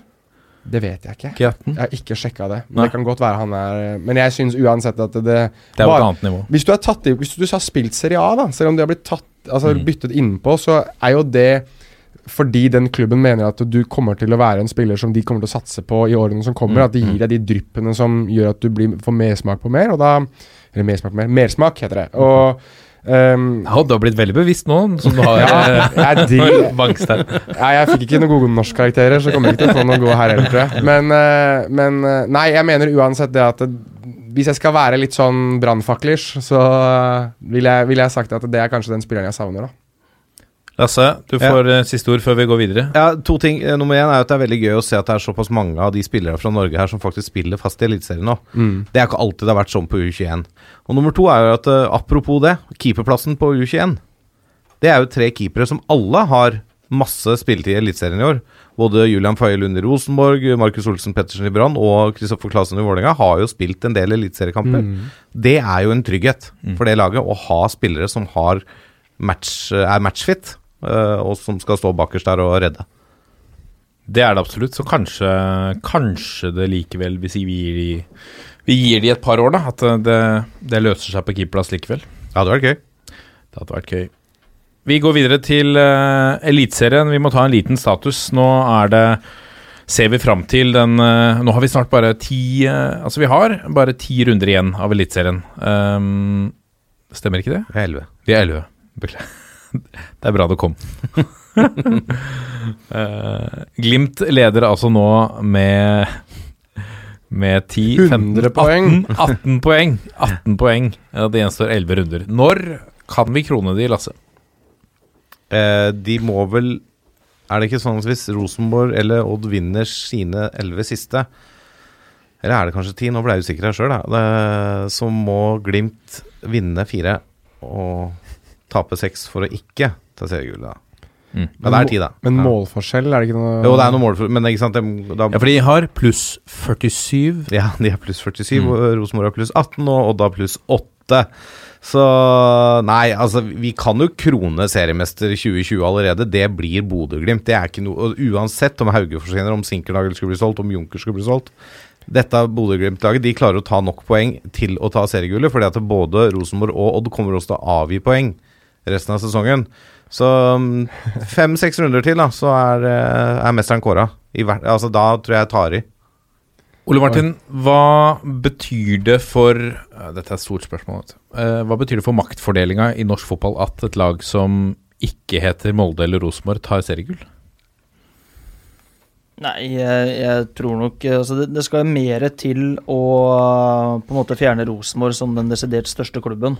Um, og det skal mer til å ta fra Molde de økonomiske ressursene også. Men det betyr jo at uh, Glimt får enda mer spillerom. da. De kommer til å sitte igjen med enda mer penger. De fikk uh, mer penger i fjor og har brukt det fornuftig. Um, så Glimt får jo en mulighet nå til å etablere seg som et uh, topp fem-lag i Norge. Uh, og den muligheten har jo klubber som tidligere har rocka litt i hierarkiet, da, med uh, Vålerenga, Brann, Stabæk, som har vært inne der og vunnet. Sarpsborg. Uh, Ikke vunnet, men- Ikke vunnet, nei. Men, men uh, de klubbene har jo ikke helt greid å ta vare på den muligheten og etablert seg som en toppklubb i etter, ettertid. Den muligheten får jo Glimt nå. Og uh, alt tyder på at det er riktige folk som skal, skal gjøre den jobben nå, så det blir spennende å se hvordan Glimt i løpet av de neste fem-seks åra greier å etablere seg i toppen der. Jonas, når du ser på bunnen Ålesund med, med syv poeng, det er syv poeng opp til Mjøndalen. Når er det ferdig? Uh, um, altså Når det faktisk er ferdig, det vet jeg ikke helt, men jeg tror det er ferdig allerede nå. jeg tror nok dessverre for Ålesunds del at det blir Obos-liga 2021. Og det er vel sjelden man kan si det såpass tydelig at det er egentlig veldig fortjent at de rykker ned, for der har det vært mye mye styr og mye kaos. De har ikke levert, og jeg syns det er veldig veldig rart å se et lag som var veldig solide defensivt i fjor, plutselig bare rakne sammen slik som de har gjort. da. Og Niklas Castro, som var helt, helt, helt outstanding i fjor, har bare falt helt, helt igjennom i år. Um, og jeg vet ikke helt Jeg kan, kan ikke si hvor skoen trykker. Jeg vet ikke helt om de klarer å sette fingeren på de heller. Om det er, en, om det er en, et grunnlag som heter korona der, som gjør at de på en måte mistet den kontinuiteten, eller hva det var. Det er veldig vanskelig å si, men det at de rykker ned nå, det, det er veldig fortjent sånn sett, da. Og jeg har liksom litt vanskeligheter med å se at uh, Mjøndalen skal gjøre det samme som de gjorde i fjor, hvor de på en måte hadde litt sånn The Great Escape. Jeg syns det ser ut som det virkelig kladder der også. Og Nå har de fått inn Isak uh, Tvom da, fra, fra start. Mer om det etterpå. For én svale gjør ingen sommer, vet du. uh, Jeg likte du, Magstein. Ja, var fin. ja. Prøver å imponere her nå. Uh, Få en sånn pluss ved siden av treeren min. Eh, Rød R. Ikke sant? Nei, men altså, jeg, jeg eh, For Mjøndalens del så syns jeg det er litt vanskeligere igjen. Men, men hvis du skal ta en klubb, da, og jeg har jo vært deres store cheerleader, og jeg må ta det opp for å får lov til å si det på, i en mikrofon, at Sandefjord ligger der de ligger, og gjør det så bra som de gjør det. Det mener jeg til syvende og sist burde være Altså Det er jo slik alle hadde satt en bånd sist. Glem det. Dette er ferdig før ti kamper er spilt. Og nå ligger de så bra an som de gjør. Og jeg tror, tror ikke de rykker ned. Jeg tror i verste fall så blir det en playoff-plass der, og da skal det gå ganske dårlig med dem. Og det å ta seks poeng mot Molde er liksom jeg synes, jeg synes det snakkes mye om, men jeg syns nesten det burde snakkes mer om, og det sier litt, altså. kandidat årets trener, eh, Ole Martin? Sifuentes? Ja, det, det er jo Kjetil Knutsen, syns Mm. jeg, da. Men uh, at uh, Marti er nummer to, uh, syns jeg er ganske klokkeklart. Men blir han det hvis han Nå kommer de liksom opp, så de kommer, går seg akkurat klar fra, fra nedrykksstriden, og de havner sånn på tiendeplass. Da glemmer folk litt hvor sinnssyk prestasjonen er, kanskje? Ja, det tror jeg nok. Eh, det tror jeg nok helt klart. Så er jo Men gjorde ikke Bohin det et år også, bare så at du, før vi går Jo. videre? Bohin gjorde det samme, og, og da var, var, var, det var det vel Kåre Ingebrigtsen som ble årets trener. Mm. Og det var også glemt, fordi året etter så uh, Han tok vel Åle, han tok over Ålesund etter å ha reddet Mm. eller hatt Sandefjord, og så var det Magnus Powell som tok over, og det gikk jo ikke. Så det har jo på en måte skjedd en gang tidligere òg, da ble du også nesten litt glemt da, hvis jeg ikke husker feil.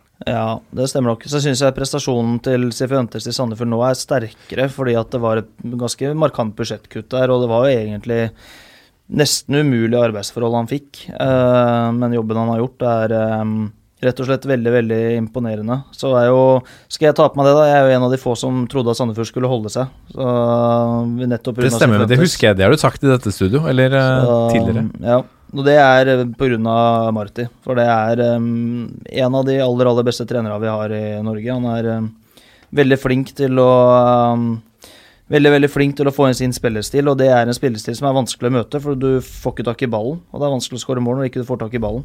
Så, så har han fått mye ut av, um, ut av de gutta han henta. Uh, hadde vi, altså vi hadde veldig god tro på Sivert Gustavsvin når han øh, skulle vekk etter å ha vært på lån hos oss i fjor, men at han skulle øh, være så bra i Eliteserien og skåre mål, det øh, var det få som hadde trodd. Så det har jo både Sifuentes og Gustavs gjort en veldig bra jobb. Du, du har sikkert møtt Marti via noen trenerforums osv. Hva slags inntrykk har du av han som liksom, person? Jeg, jeg kjenner han ganske godt. Snakka med han om dagen, faktisk. Vi blei litt sånn småtjommiser, hvis man skal kalle det det, i fjor. Uh, han er en uh, veldig fin fyr.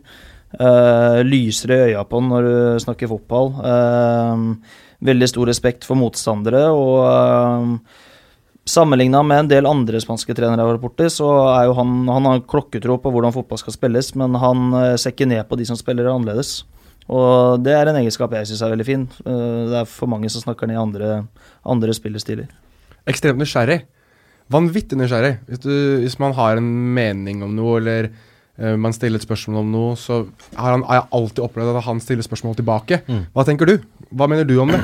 Og det er jo noe som jeg alltid syns var veldig rart som journalist de gangene jeg intervjuet uh, Marti, og de gangene jeg har pratet med Marti egentlig generelt òg. Sånn, vanligvis vil du kanskje få fra ham, men, men hvis du er som journalist og har et lengre intervju med han og stiller han spørsmål om deres sesong eller spillestil, så spør han veldig ofte hva du tenker om det. og, og og syns det er interessant å vite hva folk også tenker, og, og tilegner seg litt mer informasjon sånn sett. Um, så, så det jeg må si om ham sånn, Jeg stiller meg bak alt det Ole Martin sier på det, altså det jeg kjenner til av han. Uh, Ole Martin kjenner jeg sikkert langt bedre enn meg, men, men utrolig nysgjerrig. Og, og veldig har lyst til å lære av andre. Og det, det er en slags form for ydmykhet som jeg må være ærlig og si at jeg ikke har opplevd så veldig ofte som journalist da, ved å intervjue andre, at det som regel er litt mer sånn belærende når man får et svar tilbake, mer enn at det faktisk er en samtale. da. Og det, det, det tror jeg han vinner også veldig mye av spillerne sine på, og, og menneskene rundt seg på. Det at han faktisk har lyst til at de skal involvere seg i, i, med sine meninger og det de tenker, mer enn at det er han som skal fortelle hvor skapet skal stå hele tiden. Og så er det jo Det er litt prat om rundt omkring nå at han kanskje er krevende å jobbe med, da. At det er um, Ja, For det er liksom diskursen nå. Ja, men uh, hvis noen klubber har lyst til å finne en trener som ikke er krevende å jobbe med, så kan de forberede seg på nedrykk. Ja, men- sånn er det bare. Men det, jeg må få sagt det, bare sånn altså, Hvis det her er krevende Hvis det er krevende det han driver med Altså Se hva han gjør, da. Mm. Hvis han er krevende, så er det kanskje det man skal ha litt mer av i norsk Ja, fotball. akkurat Da. At det er noen som tør å, å si at de, de vil ha sånn, de vil ha det sånn. At de vil at ting skal legges til rette for suksess. Mm.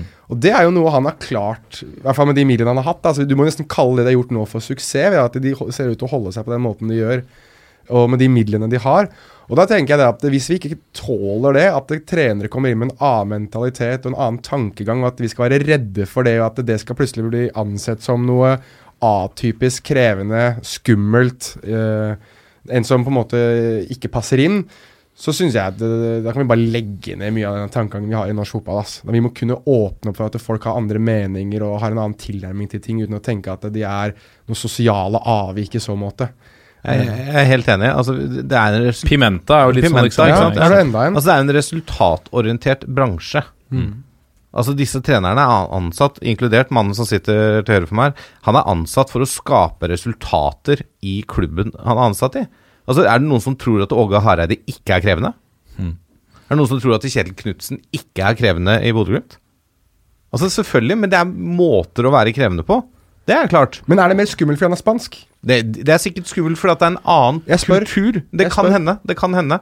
Det er litt annen kultur. Men du må være krevende for å være øverste leder for sport i en norsk toppklubb, mener jeg da. Mm. Hvis du skal ha utvikling, hvis du skal få resultater. Kan ikke bare gå på kompromiss med alle rundt deg, liksom uh, være skyggeredd for å si noe feil eller opptre feil fordi at eh, hun som uh, jobber frivillig og, og presser vafler, uh, føler seg støtt av et eller annet. For at noen ikke alltid klarer å smile når du går forbi. For at du er litt uh, fokusert på det som skjer, litt skuffa over et resultat. Det må være rom for å ha krevende trenere, mener jeg da. Og når det gjelder nedrykksstriden, bare for siden var det vi begynte med Ja, Det er har det jo- siste ordet her òg. Ja, nei, men det Vi har ikke vært innom medaljekampen. Ja, det, har jo, det er jo blitt et skille nå, fra start på kvalik Mm. og opp til godset på 12. Det er jo 13. beklager, det er jo eh, syv poeng opp. Så det er jo mye som tyder på at de tre som ligger i bunn nå, gjør opp om k- kvalikplassen. Og om det blir Mjøndalen eller Start, det syns jeg er vanskelig å svare på. Og Start har begynt å gjøre opp allerede ved å sende en spiller nesten gratis til Ja, han hadde jo spilt 49 offisielle kamper for Start nå, så det spekuleres jo om det var en bonus som hadde blitt utlyst, eh, utløst ved den 50. At det var derfor han ble solgt. Det kan vel uh, Fevennen har en sak om det. slå fast at, eh, at det var. Det er nok det. Ja, det var nok det. Um, men ja, medaljekampen, da. Vi tar det veldig kort, så før vi går på Obos-ligaen. Um, det har jo endret seg. Uh, hva skjer med Molde, Ole Martin?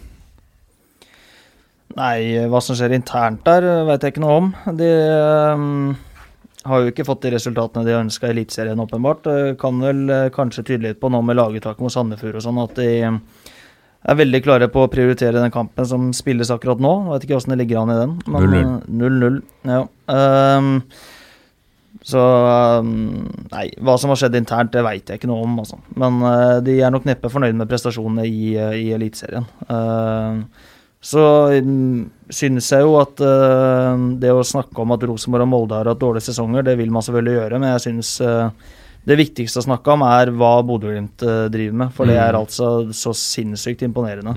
Så eh, jeg vil mye heller prate mer om det. Jeg er helt enig. Eh, og Det må vi ta Vi må gå videre i, i, i sendingen, rett og slett. Glimt har vi snakka mye om, og vi kommer Ja, til å snakke mer om de snakke om Glimt. Da, okay, da får du siste. Liksom. Jeg skulle si nummer én at jeg tror at Rosenborg og Molde tar de to resterende medaljene. Ja. Men ikke utelukk Viking, da, for den formen de er i om dagen, den er imponerende. Altså. Det er sant, faktisk. Det er Altså, de leverer. Ja. Absolutt. Vi går videre til Obos-ligaen. Eh, der er det ett lag som troner på toppen, om eh, altså langt fra like suverent, da. Eh, men foran et lag som vår, eh, gode venn eh, eh, Jørgen Kjernås spådde ville gjøre en kanonsesong. Sogndal ligger nå på andreplass, du trakk det jo fram i tulipanen også, Lasse. Eh, de imponerer eh, stort. Eh, det kommer noen lyttespørsmål også knyttet til Sogndal senere. Vi kan jo ta et av dem nå, faktisk. Det ble jo sendt her, Det er så mye kanaler å holde styr på. Dette ble sendt til oss på Instagram. Um, Ole Martin, um, hvorfor syns Hvorfor tror du det flyter så godt for Sogndal? Eh, nei, de eh, Jeg syns Eirik Bakke og co. har gjort en god jobb med å organisere de godt. De er vanskelig å skåre mål på, de er vanskelig å skape sjanser på. Og så har de individuelle spillere med veldig mye X-faktor. De har en voldsom fys fysikk i laget sitt, eh, som gjør at de står bra på dødball begge veier. De står, uh, står bra i krisehåndtering, de står bra i kaossituasjoner i offensiv boks. Og så har de gjort noe riktig da med, med disse enkeltspillerne. Hoven som bøtter inn mål. Han uh, Ogbu som uh, er et eh, fysisk unikum som, som stopper.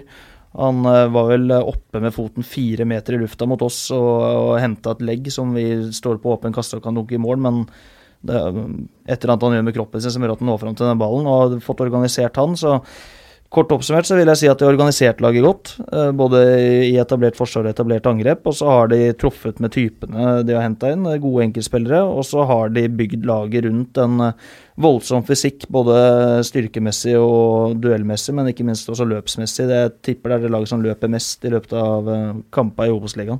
Så jeg kunne sagt det litt i stad, men jeg tror jo det er sånn akkurat nå at um, det er ikke så viktig å ta den kvalikplassen i Eliteserien eh, i bunnen der, for jeg opplever at de fire beste lagene i Obos nå, de er bedre enn de tre uansett.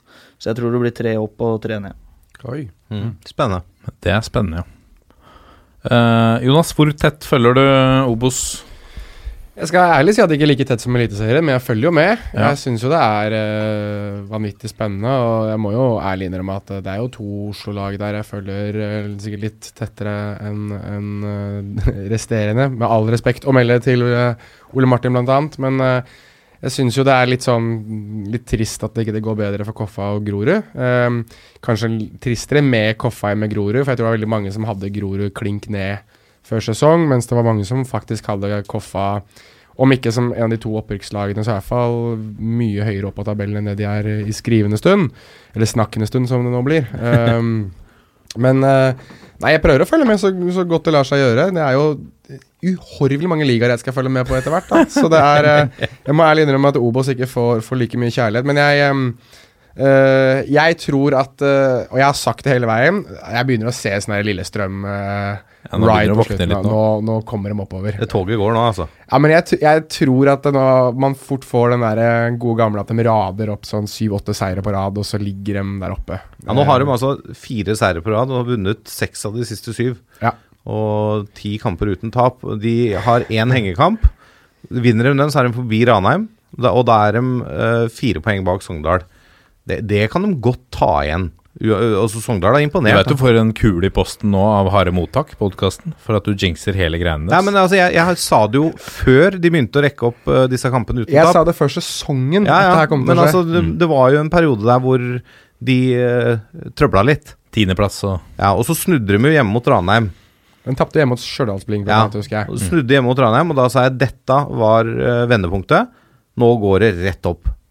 Og det kan godt hende det går via kvalik, men jeg tror Lillestrøm spiller Eliteserie i 2021. Mm.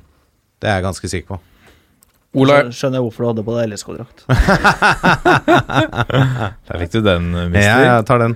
Eh, Ola Årdal lurer på om Ole Martin Wesselquist er den treneren i Obos som får mest mulig ut av laget sitt ut fra eh, ressursene.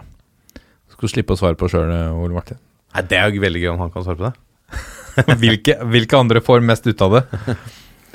Nei, det er mange som får eh, mye ut av det, men jeg, jeg tror ikke eh, Jeg aleine får ikke mye ut av ting, men jeg tror vi som klubb eh, definitivt er blant de som får mest ut av Litia. Det tror jeg vi har. eh, Vi er ikke klubben med mest eh, ressurser og som har best eh, Best tilrettelegging i hverdagen, men eh, vi som klubb, eh, det har jo Strømmen vært flinke til i mange år, får jo mye ut av lite. Og akkurat nå, ref fotball er ferskvare, så er vi, mener vi at vi får ganske mye ut av det vi har tilgjengelig. Eh, Og da snakker jeg om eh, spillergruppa, naturlig nok, trenerteamet og klubben ellers. Eh, Men så vet jeg jo at taper vi to på rad, så får vi plutselig li veldig lite ut av det. Så den, det snur fort i fotball. Men akkurat nå så er nok vi blant klubbene som får mest ut av lite. Og apropos lite, må huske at eh, om ikke det hadde vært for litt sånn økonomisk skakkjøring på strømmen, så hadde de hatt tre poeng mer enn det står på tabellen. Fordi jeg har trukket tre poeng, så da hadde de jo vært foran Koffa. Det er riktig. Uten det Det mm. Så det, det sier jo litt om hva de har prestert i Strømmen i år, syns jeg, da. Det, det er ganske bra. Og Tenk om Stjørdalsblinka.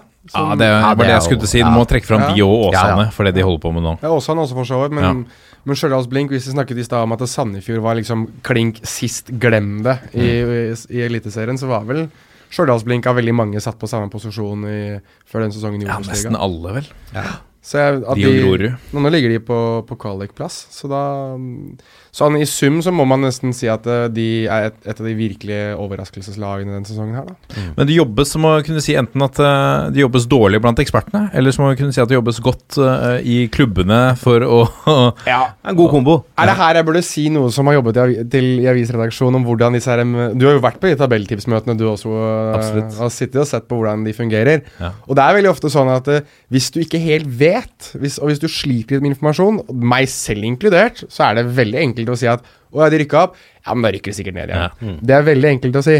Og det er mange som lurer på hvordan de møtene her foregår. Og noen ganger så er det så enkelt som det, at man kanskje ikke er såpass forberedt som man burde være. Og jeg snakker kun for meg selv her. Og jeg vet selv at jeg har eh, tidvis på de møtene her hatt mye å si og hatt mye å melde. så da kan, kan sikkert mange rette en pekefinger på meg og si at det er din skyld. Og det kan også min tidligere redaksjon også få lov til å gjøre eh, flere ganger. Men, eh, men jeg, tror, jeg tror generelt sett at i Norge så er fotballen såpass jevn i de to øverste divisjonene at jeg tror det er veldig lite som skal til for at de eh, tipsene går til skamme, da. Ehm, for jeg tror at når du, når du snakker om å bygge kollektiv og kollektivt arbeid, og det å få mye ut av lite, så tror jeg norsk fotball er en av de ligaene der du virkelig kan få mye ut av lite. Og da snakker jeg om at ja, det er økonomiske forskjeller også i, i de to øverste ligaene, men, men jeg tror at det er såpass lite at et godt kollektiv overvinner det eh, i langt større grad enn i de større ligaene i Europa. Da. Og det er jo det som er kanskje det nydelige med norsk fotball. Da. At du, du kan ha en kjempesesong og ende på fjerdeplass og spille kvalik i, i Obos-ligaen, kanskje til og med rykke opp. Og neste sesong du ikke klarer å rykke opp, neste sesong så er du på bånn. Og det laget som rykket opp fra eh, Post Nord, er det laget som har tatt din posisjon på fjerdeplass. Så det er liksom det er, det er noe som er litt nydelig ved det, og så er det noe som tidvis kan være litt, sikkert litt sørgelig for de som er i det gamet. Ole Martin kan sikkert fortelle, fortelle meg mer om hvordan det fungerer i så fall. For det, jeg ser bare på det som tilskuer og som journalist og syns det er et spektakkel, og så regner jeg med at det er jævlig frustrerende å sitte i det når det skjer. Ja. Vi må gå videre til uh, noen overganger. Uh, vi får uh, speede opp litt. Um, det, er, det, er my, det er mye å snakke om. Uh, Skrekkelig mye å prate om. Det det er det absolutt. Men vi må adressere selvfølgelig Jens Petter Hauge. Det, det, dette leser jo folk om i 100 aviser. Men Jens Petter Hauge til Milan. Uh, Jonas, det som mange, eller i hvert fall noen spør seg på Twitter, går han rett inn på laget? Det ønsker vi å tro. Vi ønsker jo å tro det, men jeg, jeg syns det er litt sånn Det er litt sånn som den gangen da alle trodde Martin Ødegaard skulle starte for Real Madrid etter å ha signert for dem som 16-åring.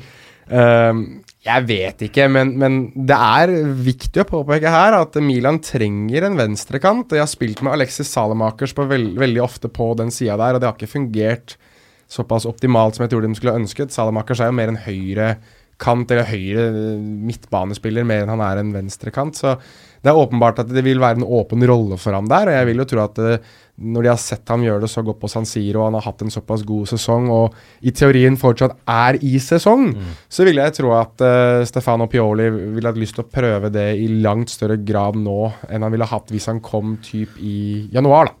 Jeg er enig. Også, jeg, har, jeg er jo veldig tilhenger av at uh, norske spillere går i sommervinduet. For da får du mulighet til å komme inn i starten av en sesong. Eh, for det er veldig lett, tror jeg, da, hvis du kommer i januarvinduet, at du Da er laget satt, og det er litt vanskelig å spille seg inn. Men jeg anbefaler bloggen til Mina Finstad Berg på TV 2 i dag, som snakker litt om den potensielle Hauge-overgangen, og hvorfor dette kanskje er perfekt timing. Litt med det du snakker om, med Salamaker på, og, og kantposisjonen eh, i Milan, og at det er et lag som satser på unge spillere. De lar riktig. unge spillere få muligheten. De har et av de yngste lagene i Serie A akkurat nå, og så har de en svenske på topp der som er litt sånn mentor og kjeftesmelle. eh, som vi alle kan navnet på. eh, som eh, de unge spillerne sier at det er ekstremt viktig. De har ikke tapt en kamp siden mars.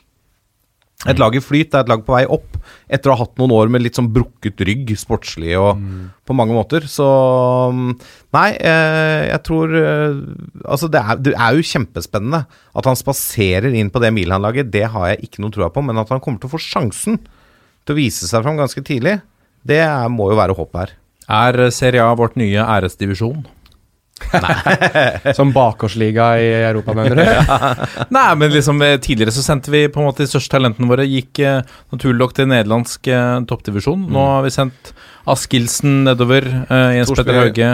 Thorsby har gått eh, ja, Ja. en litt annen vei, men Jo, jo, men eh, ja Nei, jeg, jeg, er, Men er det et signal på at vi, ok, vi, vi eh, vårt neste steg løftes litt høyere, da? Det som er, det det er et signal på, er at italienerne har lagt merke til Norge. Mm. Det er vel det det er et signal på. Der Italia veldig ofte så mer mot Sverige. Altså Sverige har jo vært en liga der italienske klubber har hentet i mange mange år, og det har vært lang tradisjon for det. Så virker det som italienerne Nå jo, nå husker jeg ikke navnet hans i farta, men han som gikk fra Drøbak Frong til Atalanta også. Altså det, det, det er jo Ja. åpenbart at uh, Italia eller italienske klubber følger mye mer med på norsk fotball enn det de gjorde tidligere. Mm. Bologna har vært koblet med Sivert Mannsverk, vi var inne på Sogndal her i stad. Så det er åpenbart at de er her og, og titter mer, og da regner jeg vel med at Ja, Frid Jonsson går til Brescia, og da skjønner Lecce var inne for Aron Dønnum. Altså det, er, det er ikke måte på. Um, og da, da tror jeg at vi har kommet til det punktet hvor italienere kanskje har flyttet fokuset litt og sett at Norge er, det, er, den, nye, er den nye vinen. da og, og at de syns Ja, det er jo bare liksom å fly litt mer vestover istedenfor å bli værende i Sverige. Så er det enda mer å hente der, og kanskje enda billigere òg. så jeg tror at Jeg tror ikke det er mer at vi skal liksom begynne også eh, sende spillere nedover til Italia, men jeg tror det er mer italienerne som har bitt seg merke i at det her er det noe unikt som vi kan uh, høste fruktene av tidlig, før resten av Europa kanskje ser det. da Og, og, og i langt større grad. Og så er det jo noen mekanismer som slår inn, det er uten sammenligning for øvrig, da, men du hadde på 90-tallet, da det var sånn norsk invasjon i engelsk fotball. Sant? Det begynner med én, og så kommer det to, og så får de et godt rykte for uh, måten de trener på, måten de opptrer på, måten de er profesjonelle på. Og så er det klubber plukker opp det og snakker sammen, og så begynner de å hente andre nordmenn. Det er kanskje det vi ser litt i Italia nå, at eh, de liksom, ok, nå er det noen klubber som har henta nordmenn og hatt suksess med det. Da begynner de å titte litt mer til Norge. Og så mm. ser de at her er det spillere med høyt nivå. Her har vi en spiller som har eh, briljert i Eliteserien. Han gjorde en kjempekamp på San Siro mot nettopp AC Milan, ikke sant. Da er det Altså, det er noen mekanismer der som slår inn. Og så ser vi jo, uh, i forlengelsen av det, da Hvis vi nå signerer Hauge i Kan jeg bare stoppe? Nei, fortsett. Det er bare, når jeg rekker opp hånden, så er det for å signalisere at når vi har ordet, for nå vi, skal, vi, skal vi gå Jeg, videre. bare, ja, da skal jeg, jeg er veldig kjapt ferdig. Ja. Eh, hvis vi nå får Hauge da i AC Milan, da, og så har vi en spiller som har starta de to første kampene i La Liga for Real Madrid, og så har vi toppspissen til eh, Borussia Dortmund ikke sant? Og, så har Og vi RB Leipzig. Og RB Leipzig. Det, det begynner å lukte litt fugl av norsk fotball nå, altså. Det er gøy. Det er det absolutt. Eh, For 15 år siden, apropos eh, nordmenn på Balløya, så for 15 år siden forlot Lars Bohin Nottingham Forest. 15 år seinere har ryktes det at Nottingham Forest har lagt inn bud på sønnen. Hvor romantisk er det, eh, Jonas, om de henter Emil Bohinen? Og tror du engelskmennene tenker i de baner? Det er romantisk, men jeg hører at det ikke stemmer. Oh, ja. Eh, jeg hører at det ikke er noe bud inne på ham fra Nottingham Forest. At jeg vet ikke helt hvor det Jeg så at det har vært rykta, jeg har fått det med meg. Jeg er jo Jeg er vel sikkert på Twitter mer enn det som egentlig er anbefalt, men, så jeg har jo sett det her. Men jeg har hørt at ikke det stemmer. Men roman, for romansens del så ville det jo vært eh, ganske, ganske artig, da. Men jeg jeg ville blitt litt overraska hvis Emil Bohinen er eh, Stabæk-spiller etter det vinduet her stenger. Det Ja. ville jeg blitt. Jeg, jeg tror at ehm, Jeg så at Anger var kobla nå, uh, i TV 2 vel, og så tror jeg det var noe i fransk medie der de avviste det. Men jeg tipper at det er enten Frankrike eller Italia som blir det stedet han drar til. Det ville jo vært gitt mening her nå i forlengelsen av det vi snakket om, at det ville blitt enda en italiensk klubb, da. Så um, jeg, jeg, jeg tror, tror det er dit veien blåser for hans del. Jeg tror ikke det blir Nottingham Force slik. Det, etter det jeg hører, i hvert fall. da Det kan jo være at det endrer seg, selvfølgelig. Hadde vært litt bittersøtt, kanskje, for eh, far Lars Roar, om han gikk til Italia. For Lars er jo veldig glad i Italia. Ja. Men og fikk det aldri spille fikk, fikk aldri spille der. Nei, stemmer det.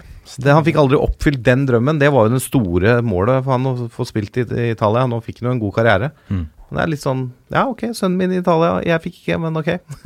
Grunn til å dra til Italia hele Ja, det er jo kjempestas for Lars. Vi var inne på det tidligere. Isak Thum går til, har gått til Mjøndalen, fått debuten. Ser jo frisk ut der. Christian Gauseth var ute i mediene og meldte at uh, det er jo helt sjanseløst at de har sluppet han hit. uh, han er uh, så god. Sendt hit etter 49 kamper. Vi skal ikke dvele så mye rundt det, annet enn at det kan jo virke som at det er et eller annet som kicker inn etter 50 her. Ja. Men uh, Torgeir Børven til Tyrkia.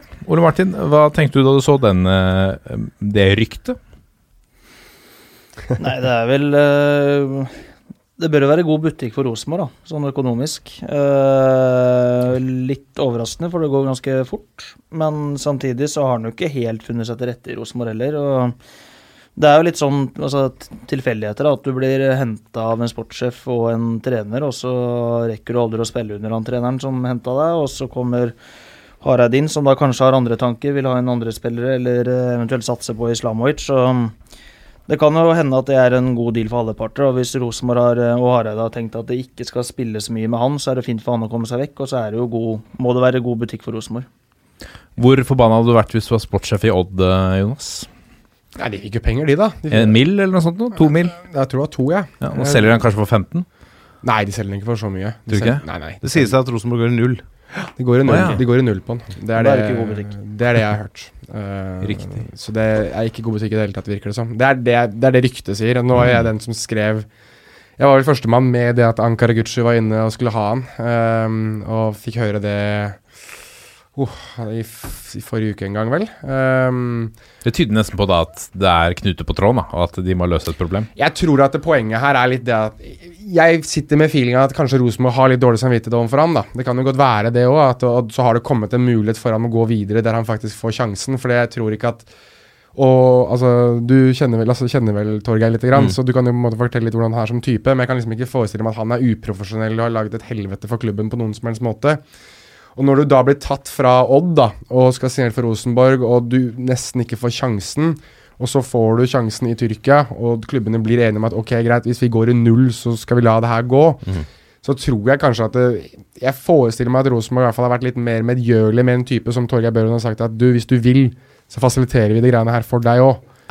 Det, altså, det er jo blitt sagt, da, og det syns jeg er litt sånn ondsinnet, at uh, Torgeir Børven har bare prestert under trygge rammer under Fagermo i Odd. Han var jo ganske god i Vålerenga en periode òg.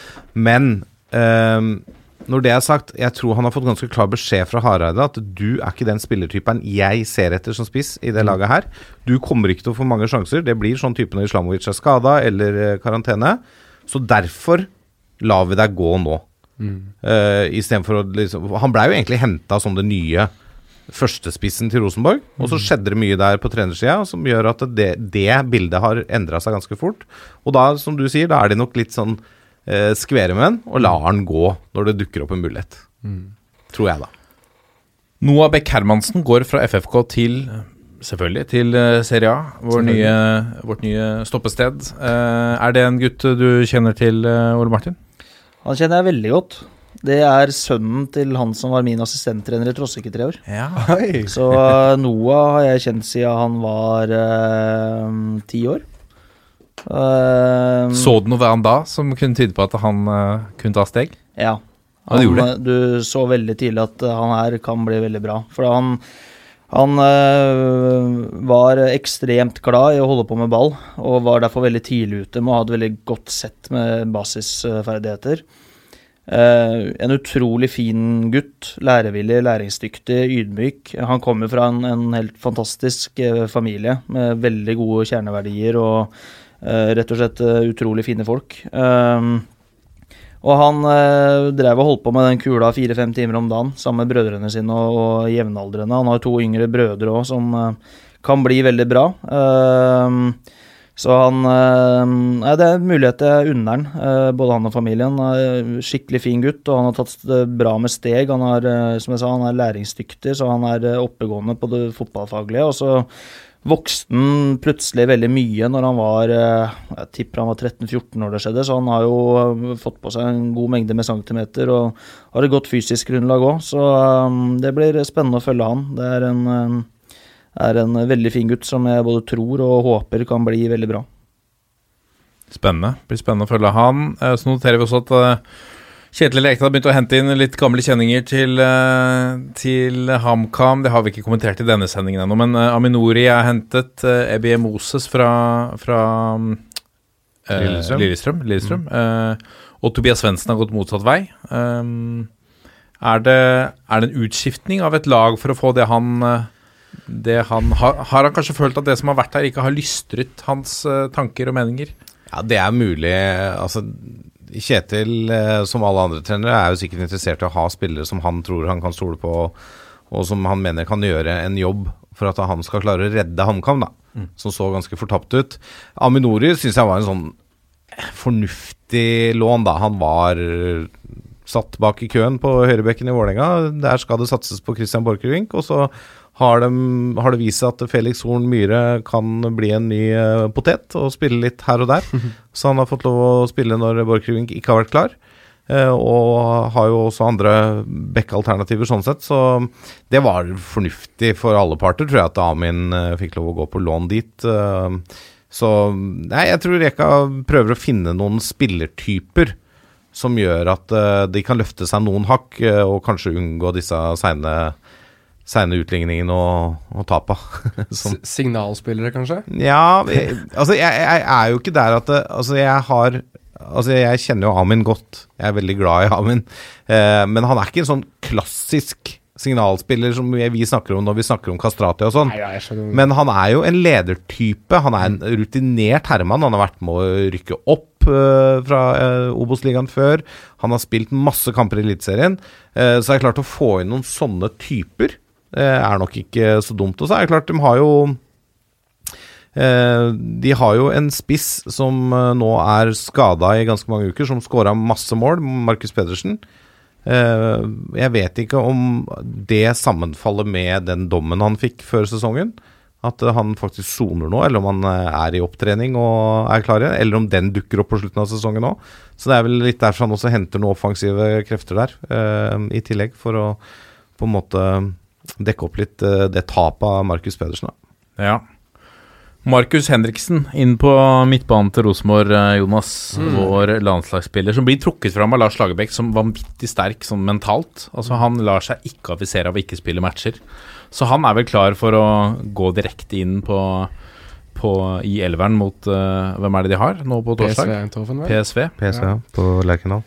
Ja, altså, bevares du, Den midtbanen som Rosenborg nå kan stille, med Skjelbred, uh, Henriksen og Sakariassen, altså på papiret, den midtbanen der, det er, det er den beste midtbanen i Eliteserien. Og Markus Henriksen blir jo fort den beste spilleren, sånn sett, i Eliteserien. Um, men bevares, jeg trodde jo at han skulle prøve seg i en litt større liga ute i Europa kanskje en gang til, før han skulle tilbake igjen til, til Rosenborg, men, men um, Lars Lagerbäck også foreslo Italia.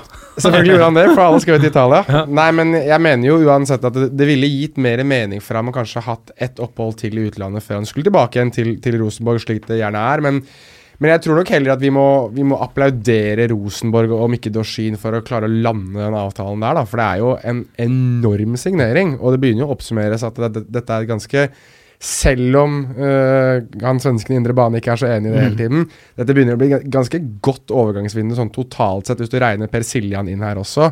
Så ser det ganske bra ut for Rosenborg sin del. Um, hvis de får inn en venstreback til òg, potensielt, og, og kanskje en, en erstatter for Børven, da, en som kan jage Islamovic litt, grann, så, så er plutselig Rosenborg i hvert fall nærmere der de skal være, sånn historisk sett. Så jeg må jo synes, synes at den Henriksen-signeringen er voldsomt sterk, men jeg kjenner jeg blir litt sånn usikker på Kommer han til å ha en sånn lang lands, landslagsframtid da? Altså er det, er det nok det å spille Eliteserien, den rollen han har på landslaget? Han har vært såpass betrodd i de senere år på landslaget at det, det tror jeg når Lagerbäck gir de signalene han gir, da, med at uh, han er så sterk og han trenger ikke å spille for å prestere Ja, jeg bare spør. Ja, nei, men jeg, jeg, jeg ser poenget ditt, men altså det er, jeg elsker sånne signeringer med disse uh, utenlandsproffene som har hatt en grei karriere i utlandet og har prestert på landslaget, som kommer hjem tidlig. Ja, hei, Eh, Som, som kommer hjem før de er 34 og mette.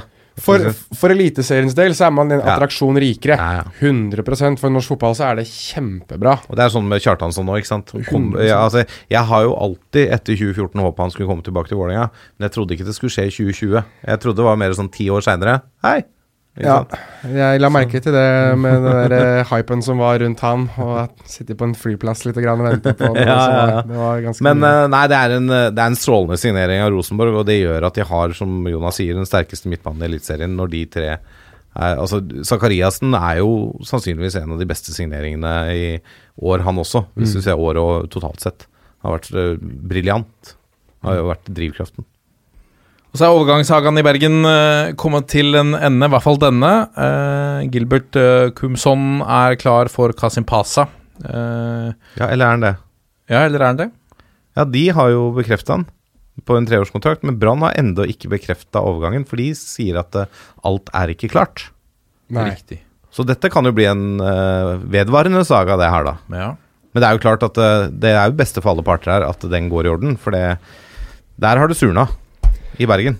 Det hadde vært interessant da hvis det enda en overgang til Tyrkia havarerer. For da hadde jo tidligere Samuel Adegbenro, som vel var så å si klar for var det Hatay-spor det endte med å være til slutt. Og så var det ned på medisinsk, og så var det plutselig en retur til Trondheim likevel. ja, det var vel ja, angivelig pga. betingelsene. Ja, jeg er ikke sikker på hvordan det fungerte, men jeg bare noterte meg at eh, han plutselig var å finne igjen i, i Trondheim. I karantene. ned, Ja. Så, um, så nei, jeg, men, men hvis det er en saga som er i gang der, så er jo det interessant nok i seg selv. Det, og Kashim Pasha er vel den klubben som Det er vel de som også kjøpte Tobias Heinz i sin tid, og det tok vel litt grann tid, hvis, jeg ikke husker helt feil. Um, og det var vel også litt tid nå med å få han klart igjen for Sarpsborg etter å ha vært i Kashim Pasha, så jeg vet ikke om det er den klubben eller tyrkisk fotball, eller om det er noe annet i, i kulissene her. Jeg har ingen formening om det sånn egentlig. Men, eh, men det er jo litt artig, da. At du nå har én klubb som bekrefter, og én klubb som blånekter. Eh, det som journalist så kjenner man jo fort at det klør både i vinkler og artikkelskriving og kilderinging og det som måtte være. Ja, for Soltvedt uttalte vel til um, en avis i Bergen, om det var BT eller BA, husker jeg ikke, at uh, det meste er klart, men alt er ikke klart, og vi bekrefter ikke før alt er på plass. Nei. Ikke sant? Og det er jo et ganske tydelig signal da, på at her er de ikke helt enige med, med hele overgangen. Og det er jo ikke første gang det er rot med overganger til eller fra tyrkiske klubber. Såpass ærlig må vi være. Jeg husker, eller ved eh, lønnsutbetalinger. Ja, jeg, jeg, det husker jeg første gangen jeg husker eh, rot der nede, var Rune Lange som ikke fikk lønn. Ja. Tror du ikke det er sånn der 15 år eller noe sånt? da? Ja, jo, det er Han, Han, Han tok jo det en lang FIFA. sak. Ja, ja, ja. Og Transpon, det. Trapson, det. Ja. Ja, Det er greit med penger dine, da. Med det vil jeg si. Alexander Sørloth og så videre. ja Henta inn litt her. Dette er toppfotball.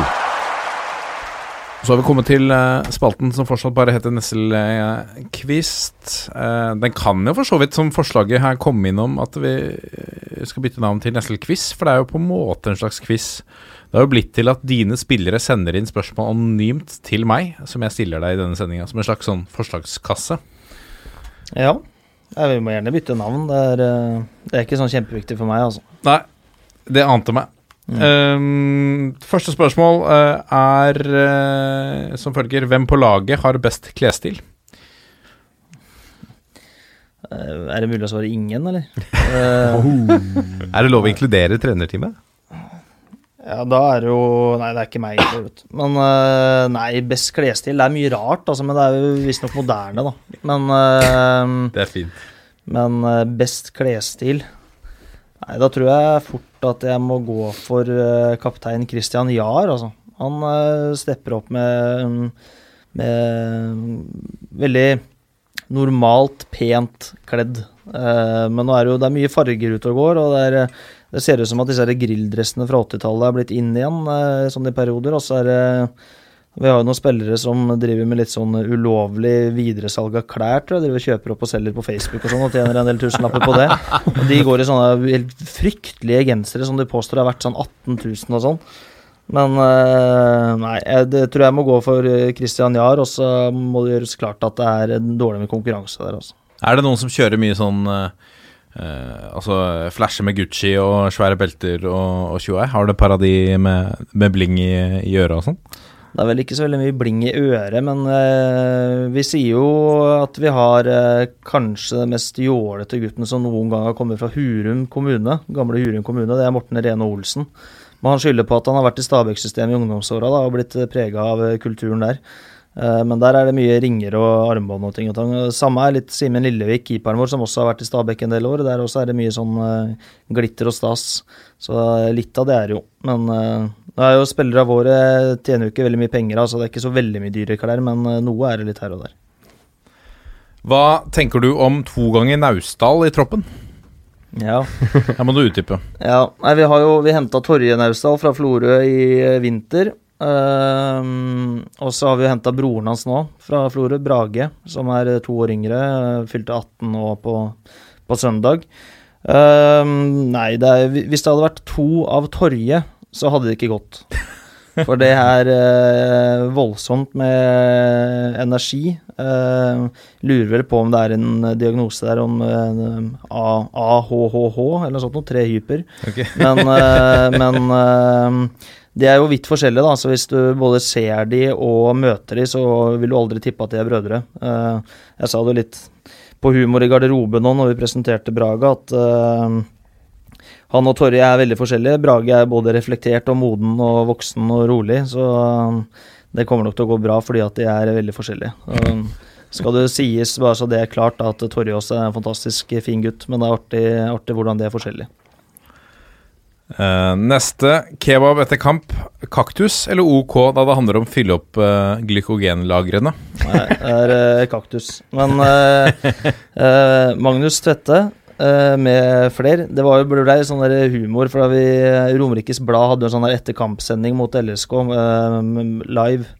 Uh, og da fikk jeg spørsmål av Svesengen, som jobber i Romerikes Blad, um, om eh, Magnus var fornøyd med å skåre eller noe sånt mot LSK. Og mens vi spilte inn det, så satt eh, da blant annet eh, han bak kamera og spiste kebab og så på sendinga.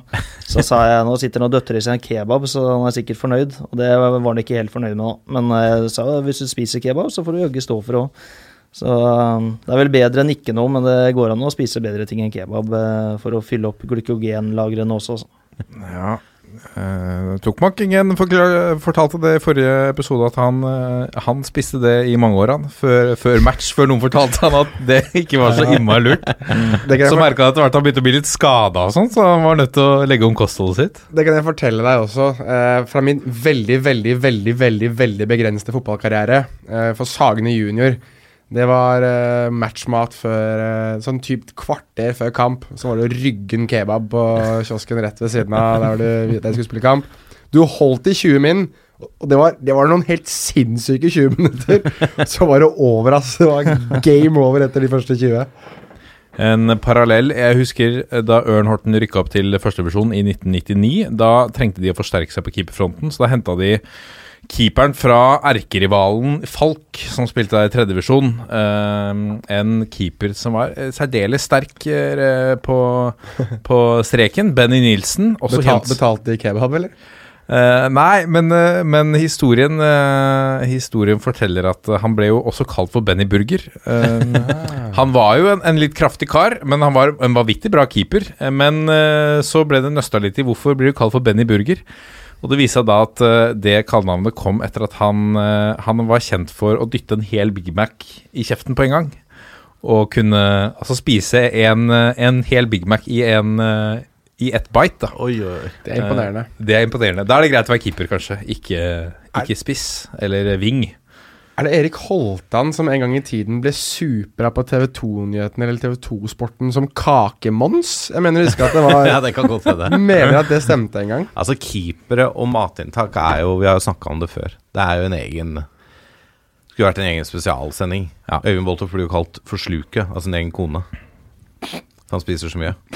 Det er liksom Nei, er eh, De, de dytter i seg mye. Men, men det er jo samtidig, da, hvis du har sett en eliteserieklubb eh, trene Jeg har ikke sett så mye Obos-ligatreninger, men jeg har sett noen eliteserietreninger. De, de keeperne de trener voldsomt hardt i uka opp til kamp. De, de, de er jo ikke de som eh, kanskje har mest å gjøre i en kamp, men treningene deres de er knallharde. Altså. Det er mye hopping og spretting og, og liksom, det, er jo, det skal være mye eksplosivitet og raske bevegelser. Ikke sant? Så de, de trener hardt, altså, så det er klart da må du spises litt òg for å gå i pluss. Siste spørsmål i Nesselquiz-spalten. Eh, kommenter din egen Bonobridge-form, skråstrek utvikling. Nei, ja, nei eh, formen er eh, ikke spesielt eh, bra. Altså det, Blir spilte du på- sint? Nei, jeg blir mer eh, oppgitt. Eh, men de gutta spiller jo en eh, Jeg tror det er en litt sånn modifisert variant av Bonnerbridge. Hvor det er noen sånne enerkort da får du ikke se på, og så skal du melde på det du ikke ser. og jeg, har kommet med en del forslag til regelendringer, men de blir nedstemt alle sammen. Men eh, nå er jo senest i stad så var jeg med på en runde da, og tapte 200 kroner eh, til Torje Naustdal, faktisk. Så akkurat i dag er den formen dårlig. Men utviklinga har vel vært eh, ok. Jeg, jeg begynner å finne litt ut av trumf og sånn nå. Så det, det, det kommer seg, men det går ikke, det går ikke veldig bra. Kritisk, vil mange si. Kjente trumf i Bonobridge. Dette er toppfotball. Og så har vi fått inn en rekke lyttespørsmål, og vi begynner med et spørsmål fra Olaug Årdal. Han lurer på hva er den beste dagen for Obos? Fredager? Spørsmålstegn. Tenker han vel på kampdag? Hva foretrekker du? Jeg foretrekker øh, søndag, Uh, men det er mer fordi at det gir oss en, en veldig god uke. Eh, og det gir oss, eh, vi som er semiproffe, så gir oss muligheten til å trene tidlig på lørdagen, og så får gutta bruke lørdagen med familie og, og venner og gjøre andre ting, og så har vi kampdag på søndag. Men jeg tror totalt sett for Obos-ligaen og oppfølging interesse, så er det veldig gunstig at vi har en annen kampdag enn Eliteserien. Så jeg tror nok eh, helt klart at den, det beste for totalen er hvis du hadde gjort lørdag til en Obos-ligadag, og så hadde Eliteserien vært på søndag. Eh, midtuke går jo det, men det er fortsatt såpass mange av klubbene i Obos-ligaen som har spillere som jobber og studerer ved siden av, så du møter en del utfordringer med det. Så jeg tror nok eh, jeg, jeg tror det kunne vært en god løsning da, å ha hatt lørdag som kampdag i Obos. Er det ikke mange som vil, vil tro at, det, at de vil velge Dessverre så lever vi i et land hvor folk veldig ofte velger utenlandsk fotball. Altså Hvis du hadde hatt da lørdagen som er gjerne Premier League, La Liga, Serie A osv., Bundesliga, eh, ville ikke gitt mer mening å ha hatt fredag som en uh, Obos-liga Jeg skjønner at det er vanskelig med tanke på jobb og, og trening og det som måtte være, men, men jeg vil jo tro for TV-aktørene og for interessens del så vil du fange flere uh, altså TV-seere f.eks. på en fredagskveld, og sikkert også flere som kan dra på den kampen på fredagskvelden, og ha det som innledning til det som blir fotballhelga deres, da, enn en det er å ha på lørdag hvor du konkurrerer mot disse andre ligaene, og søndag hvor du konkurrerer også mot Eliteserien. Mandag er jo litt sånn jeg tror, Selv om jeg syns, syns det er litt interessant at mandagen på en måte har blitt litt sånn Obos-ligadag, det også innimellom, så synes jeg liksom at det er en veldig god start på en fotballhelg. Å begynne med Obos-ligaen. liksom, At det er på en måte forretten, da, og så er det mange som anser andre som hovedrett. Så er det mange som anser Obos-ligaen som hovedrett òg. Men jeg, jeg synes at det alltid har vært en god introduksjon å ha det på fredagskvelden. Jeg synes alltid å starte helga mi med, med Obos-liga har vært liksom, har vært så nydelig. For da kan du wine ned fra uka, og så kose deg med Obos-liga på kvelden. Ja, det er et argument, det. det er jo, du, da starter du med det beste, da, så resten av helga blir litt kjedelig. Men, Ja, eh, bevares. men, men eh, Nei, det er jo jeg, jeg, jeg tror det er umulig å finne en optimal modell på det. da. Eh, det kan også hende at det hadde vært fornuftig at uh, Obos-ligaen hadde fortsatt på søndager, med at man hadde, hadde hatt kampstart klokka to f.eks., og så kjører du eliteserie klokka seks. Da får du plutselig en hel søndag hvor måte, norsk fotball er greia. Eh, og så har du, har du lørdagene til eh, mye utenlandsk. Men eh, jeg tror, jeg, jeg tror uansett at det er gunstig for interessen uh, og for å gjøre ligaen mest mulig attraktiv at det er på en annen dag enn Eliteserien. Mm. Uh, og så er det helt klart gunstig å i hvert fall unngå lørdag klokka fire, f.eks. Som Mm. er Da er det veldig mange som følger med på andre ting. Men uh, uansett så vil det jo, vil det jo bli noe konkurranse med noen ligaer og noen andre kamper. Men det at man har delt Obos Eliteserien, tror jeg er gunstig. Definitivt. Det kommer jo selvfølgelig en eh, rekke spørsmål eh, til deg, Lasse, om, eh, om hvor skråsikker du er på at Lillestrøm rykker opp. Det har du jo kommentert. Om du tør å inngå et nytt Birken-veddemål. Det gjør du vel kanskje aldri, aldri igjen? Nei, ikke sånn på sittende rumpe her akkurat nå, men jeg utelukker ikke at jeg skal prøve å slå, slå 6.37 over fjellet en gang. Spennende. Det kan- det Finn en passende anledning og et passende lag da, til å bette litt på Ja, det. ja, det er greit. Stjørdalsblink, f.eks. Ja, ikke sant? Drikker aldri opp. Alltid noe. Trøndelag, vet du. Jeg var jo i Trondheim i helga, vet du. Ja. Og jeg lurte på om jeg skulle ringe bort til Lidal og spørre om jeg fikk, eh, kunne cashe inn den der hedersgjestplassen min. Jeg syns det var litt eh, det- tungvint når det bare er lov til å være 200 der. Jeg hadde jo kamp på fredag Ja. hjemme. Ja. Eh, og så var ikke kona sånn kjempeinteressert i å dra på fjæra og se kamp på fredag kveld, når vi hadde en sjelden kjærestehelg. Skuff. Ja, skuff. Benjamin Sears er en av de som lurer på eh, hva du syns om spillere som dominerer Eliteserien og er sutrete intervjuer. Det har du jo snakket litt om. Harde mottak, eh, sier, ønsker deg hjertelig velkommen til deres podkast og sier at du skal eh, Du er hjertelig velkommen. Primæroppgaven din blir å melde at alle nysignerte LSK-spillere mener at de vraker tilbudet fra Enga. Mm. Det er vel et stikk i henhold Altså i retning. Arnold Smarason, ja. Han som spiller så mye, da. Videre. eh, videre. Eh, Tom Nordli, det har vi også dekket. Uh, Syns vi skal snakke om lørdag. Det er kanskje ikke du helt enig i, Ole Martin. Det har vi allerede gjort. Tom Nordli snakka om lørdag. Ja, Tom Nordli ønsker at vi skal snakke litt om lørdagen. Det var vel Var det ikke da dere møtte Lillestrøm? Nei, det var eh, fredagen. Det var fredagen, ja. Ok, Ja. ok. At, at Tom sendte inn at vi skal snakke om Lillestrøm-kampen? Nei, Tom har sendt inn at uh, vi skal snakke om lørdag, så jeg vet ikke hva som skjedde på lørdag. Skjer på lørdag? Hæ? det, er det noe som skjer på lørdag, kanskje? Er det noe som skjer på lørdag? Hva er det som skjer på lørdag? Nei, vi møter Jerv. Kanskje det er Snakke det. litt om det. Ja, nei eh, Koronajerv? Ja, ja, Kanskje det er det Ja. han tenker på? Ja. Det er jo eh, Ja, du får ringe meg da, Tom, hvis vi prater om ting du ikke mente. Men eh, eh, nei. Jerv er, det er jo umu... eh, Det er rareste kampen jeg noen gang har forberedt, for jeg aner ikke hva jeg møter. Ehm, det er jo et Jerv-lag som sleit veldig um, resultatmessig. Hadde jo 3-20 eller noe sånt en målforskjell på de siste tre kampene før, eh, før de måtte ut i karantene. Um, og de har jo hatt spillere ute med skade. Jeg greier ikke å finne noe informasjon om de er tilbake igjen eller ikke. De får vel to treninger, tror jeg, før de skal møte oss. Hvordan det slår ut, det aner jeg ikke. Det kan være masse overskudd. Så kan det være, at Arne Sandstua har sittet hjemme i ti dager og tenkt at ok, nå har vi tapt så mye, kanskje jeg skal endre formasjon, skal jeg forenkle ting, eller skal han stå i det han har gjort? Så jeg aner ikke hva vi møter. Ehm, så vi får eh, reise ned dit, og det er for sånn en fin inngang, det, da. Å reise ned dit og gi blaffen i de, være oss sjøl på en så god, god måte som mulig, og så spille den kampen. Men eh, jeg, jeg tviler på at eh, Tom bryr seg om Strømmen Jerv. Jeg skjønner ikke eh, Prate om lørdag. Jeg vet ikke. Var, var du ute på lørdagen med han, kanskje? Etter søren, jeg. Nei, eh, nei, var ikke det heller. Lørdag hadde vi trening, og så var jeg hjemme resten av dagen. Han var, han var ikke der, så vidt jeg vet.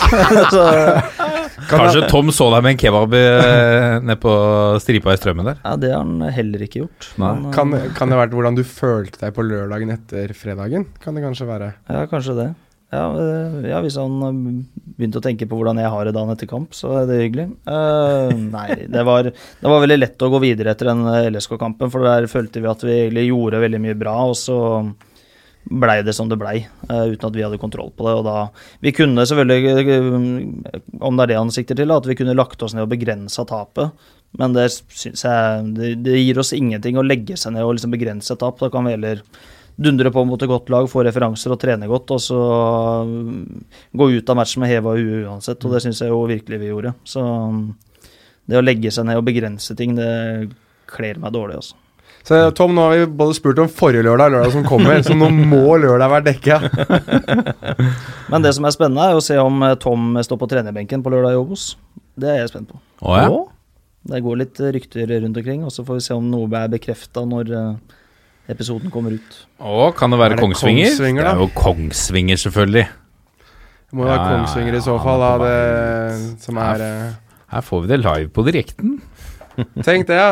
Det, her får vi det live på direkten, og når han nå er bekreftet som trener, så får de det i opptak på direkten som ikke var live, som ikke var noe annet enn at de snakket om at det kunne Her skje. skal det klippes hardt i natt, eh, Martin. Men kanskje det skjer på lørdag? At, at det er det han hinter til? Ah! Ah, ja, ja, ja. At det blir sånn der WWE entrance, og så kommer Tom Nordli rullende ut inn på banen der.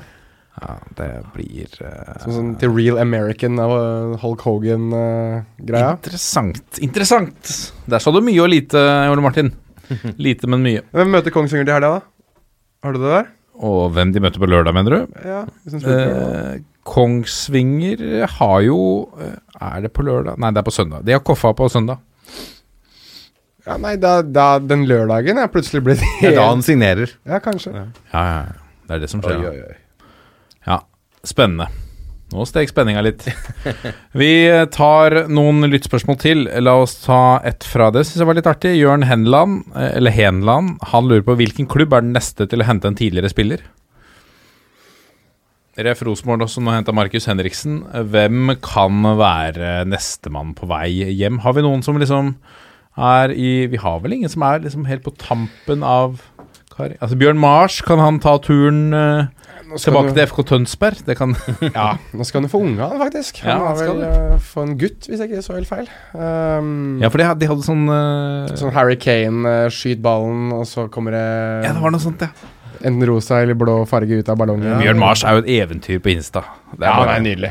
Han er så nydelig på Instagram. Um, men en spiller, for at, en spiller jeg trodde skulle ha dratt hjem tidligere, men som ikke har gjort det ennå, er Håvard Nilsen. Ja, det er sant. For han har liksom bare aldri dratt tilbake, egentlig. Han Han har signert ny kontrakt nå nylig, og Ja, men bevares. det Kjempeflott for han hvis han, klarer, hvis han føler selv at han får det til å fungere i utlandet. Men jeg, det er sånn spiller jeg alltid har tenkt på hvert år. Nå må han vel dra hjem? Nei da, da har han signert ny kontrakt eller bytta klubb eller et eller annet sånt. Så han skal liksom ikke hjem, han. Men øhm, skal jeg ta en da, som jeg tenker at det på sikt det vil være øh, verdt å tenke at kanskje skal hjem snart? Kanskje innen neste to-tre åra, kanskje ikke nå. Tariq Elionossi ja, det er sant. til FFK. For å hjelpe, hjelpe dem, kanskje. Det ville jo gitt mening, i hvert fall. da Mm. Um, Komme seg opp i Obos-ligaen, få inn Tariq, Ja. og så ja.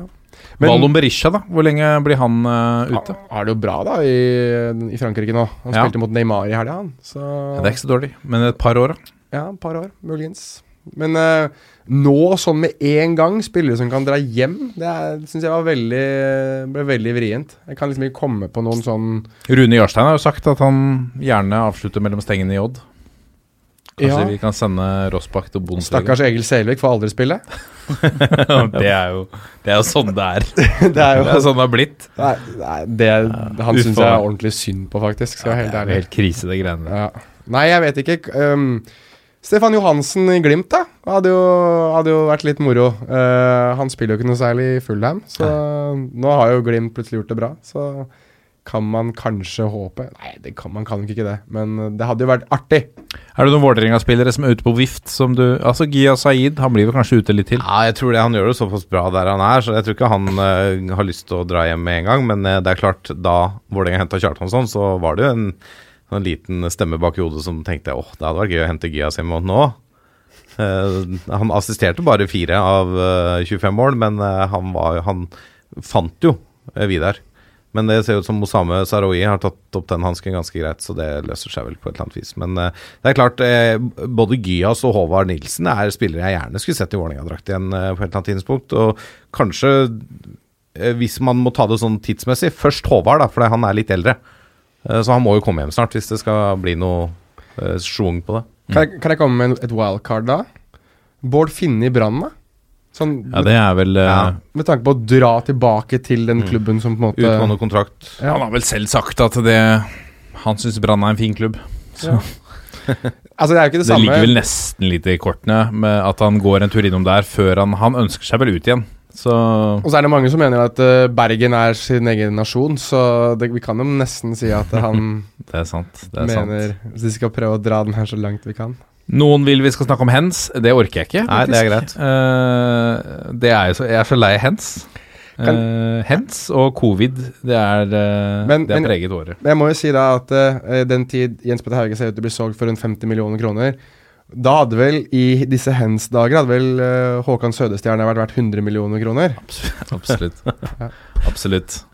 Han eh, Ja, for nå er det jo Holder det jo Jeg, jeg liker eh, spørsmålet fra Var det enten en VG eller en Aftenposten-journalist som stilte spørsmål til Lars Lagerbäck om Er han redd for at de serbiske spissene bevisst skyter ballen opp i henda til Kristoffer Ayer og forsvarsspillerne våre? Og Aftenposten som stilte spørsmål Ja, når vi er kommet på det nivå, at vi må passe for du, du kan jo ikke ha hendene noe sted. Har du de bak på ryggen og de treffer deg, så blir det hands. Dette her vil jeg ha Ole Martin inn på, for dette her har jeg tenkt uh, mange ganger over nå siste tida. Hadde jeg vært trener nå, sånn helt seriøst, i uh, den garderoben, så hadde jeg sagt Altså, hvis du står i innleggsposisjon, og han står nærme nok, bank den ballen i hånda hans. Prøv å få, få den ballen i hånda hans, for at vi får straffespark på det. Alt er jo hands nå. Så hvorfor ikke gi dommeren ja, Han må velge, liksom. Nei, jeg syns jo ikke det er like mye av det i norsk fotball, men der det er var. Var, ja. Ja, kanskje. Ikke sant? Du, dere var vel innom noe greier i um, eller forrige episode av La Liga Loca. Var det dere som hadde Nei, sorry, det var siste Premier League-podkasten til TV 2. Snakker jo om hands hele tida uansett. Viser. Jo, men eh, der var det snakk om hvor mange hands-situasjoner eh, som ble straffe i Serie A og La Liga i fjor. Ja. For de hadde de internasjonale Fifa-reglene. VAR-systemene, mens Premier League hadde sine egne Mm. VAR-rutiner. Mm. Eh, og nå så har jo det antallet økt, for nå har Premier League det samme. Ja. Eh, og det er klart, eh, Norge-Serbia, den skal eh, spilles med VAR og Mm. de reglene. Så det er alt hens. Hva tenker du Ole Martin, hvis du hadde sittet i en garderobe og dette her er liksom Hadde du sagt, hvis du vet at uh, Hens ble dømt over en såpass lav sko som du gjør nå, hadde du sagt til spillerne dine, du, hvis du står i en litt sånn vrien posisjon, kanskje du skal bare prøve? Bare hamre den ballen i hånda, fordi de dømmer på det uansett? Jeg veit, ikke om jeg hadde sagt det. For, for meg så blir det sånn feil å si det òg, da. For at eh, du lurer jo dommere. Sånn at Du ikke jobben noe lettere for dem. Men, men samtidig så tror jeg nok at spillere er klar over det sjøl. Jeg tror ikke du trenger å si det. Jeg tror spillere tenker tanken sjøl. Men det, det der hens-greiene rundt omkring nå er eh, Jeg skjønner ikke regelen sjøl skikkelig. Jeg skj- det er eh, Men nå er jo ikke jeg noe spesielt glad i VAR heller, nå. Så men det er klart, det, er jo blitt et element. da, at Du plutselig, altså du, du kan egentlig forsvare deg godt, sette motstanderen i en vanskelig situasjon, og så kan Mm. du få en rett i trynet sjøl. Mm. Fordi at du kan risikere at ballen bare blir vippa opp i hånda di, og så er det straffespark. Nettopp. Så, så du, du, du fjerner jo masse elementer i spillet som egentlig Ja. Som er viktig viktige da, i Ja. spillet som, som alle vi er glad i, som plutselig blir eh, vridd på. Så jeg, jeg er liksom matt av det hens og var, og at de skal gjøre ting så vanskelig. Jeg syns, syns det var bedre før. Alt var bedre før. Ja. Alt var bedre før. Vi lar det være siste ord. Jonas Jævre, tusen hjertelig takk for at du kom i studio. Du, Det var så hyggelig for at du kom. Takk for det. Velkommen tilbake. Tusen takk. Tre ganger skal vi prøve på den gang. Vi kan- vi Alle kan. gode ting er tre. Ja, vi, så, hørte du den, Lasse? Ja, Den veldig bra. Ja, den er bra. Bra ordtak. Da er vi sterke, ass. Lasse noterer. Ja, Lasse noterer. Bra. Pluss så i får du eh, evalueringen på slutten av sendingen, eh, Jonas. Takk, takk. Eh, mine herrer, Lasse, takk for at du kom. Ole Martin, takk for at du kom. Det kommer også en, en eh, Takk for at vi fikk komme. Jo, likeså. Takk for at jeg kom. Eh, bare hyggelig. Um, det kommer også en preview-sending til den 20. Serierunden. serierunden. Da er det elleve kamper igjen. Da er det elleve er kamper igjen. Nå er det elleve kamper igjen. uh, hør den på Podme. Uh, slippes uh, om noen strakser. Vi er Toffopall på Facebook, Twitter og Instagram. Legg inn en rating på iTunes. Det blir vi happy for. Det var noen som har lagt inn her forleden. Jeg leser og blir varm i hjertet. Det er veldig godt å se. Eller send en mail til toffopall at 451.no. Så runder vi av. Se om Jonas er med på 1, 2, 3. Vi er, Vi er en gjeng. Ha det! Bra, Jonas. Takk.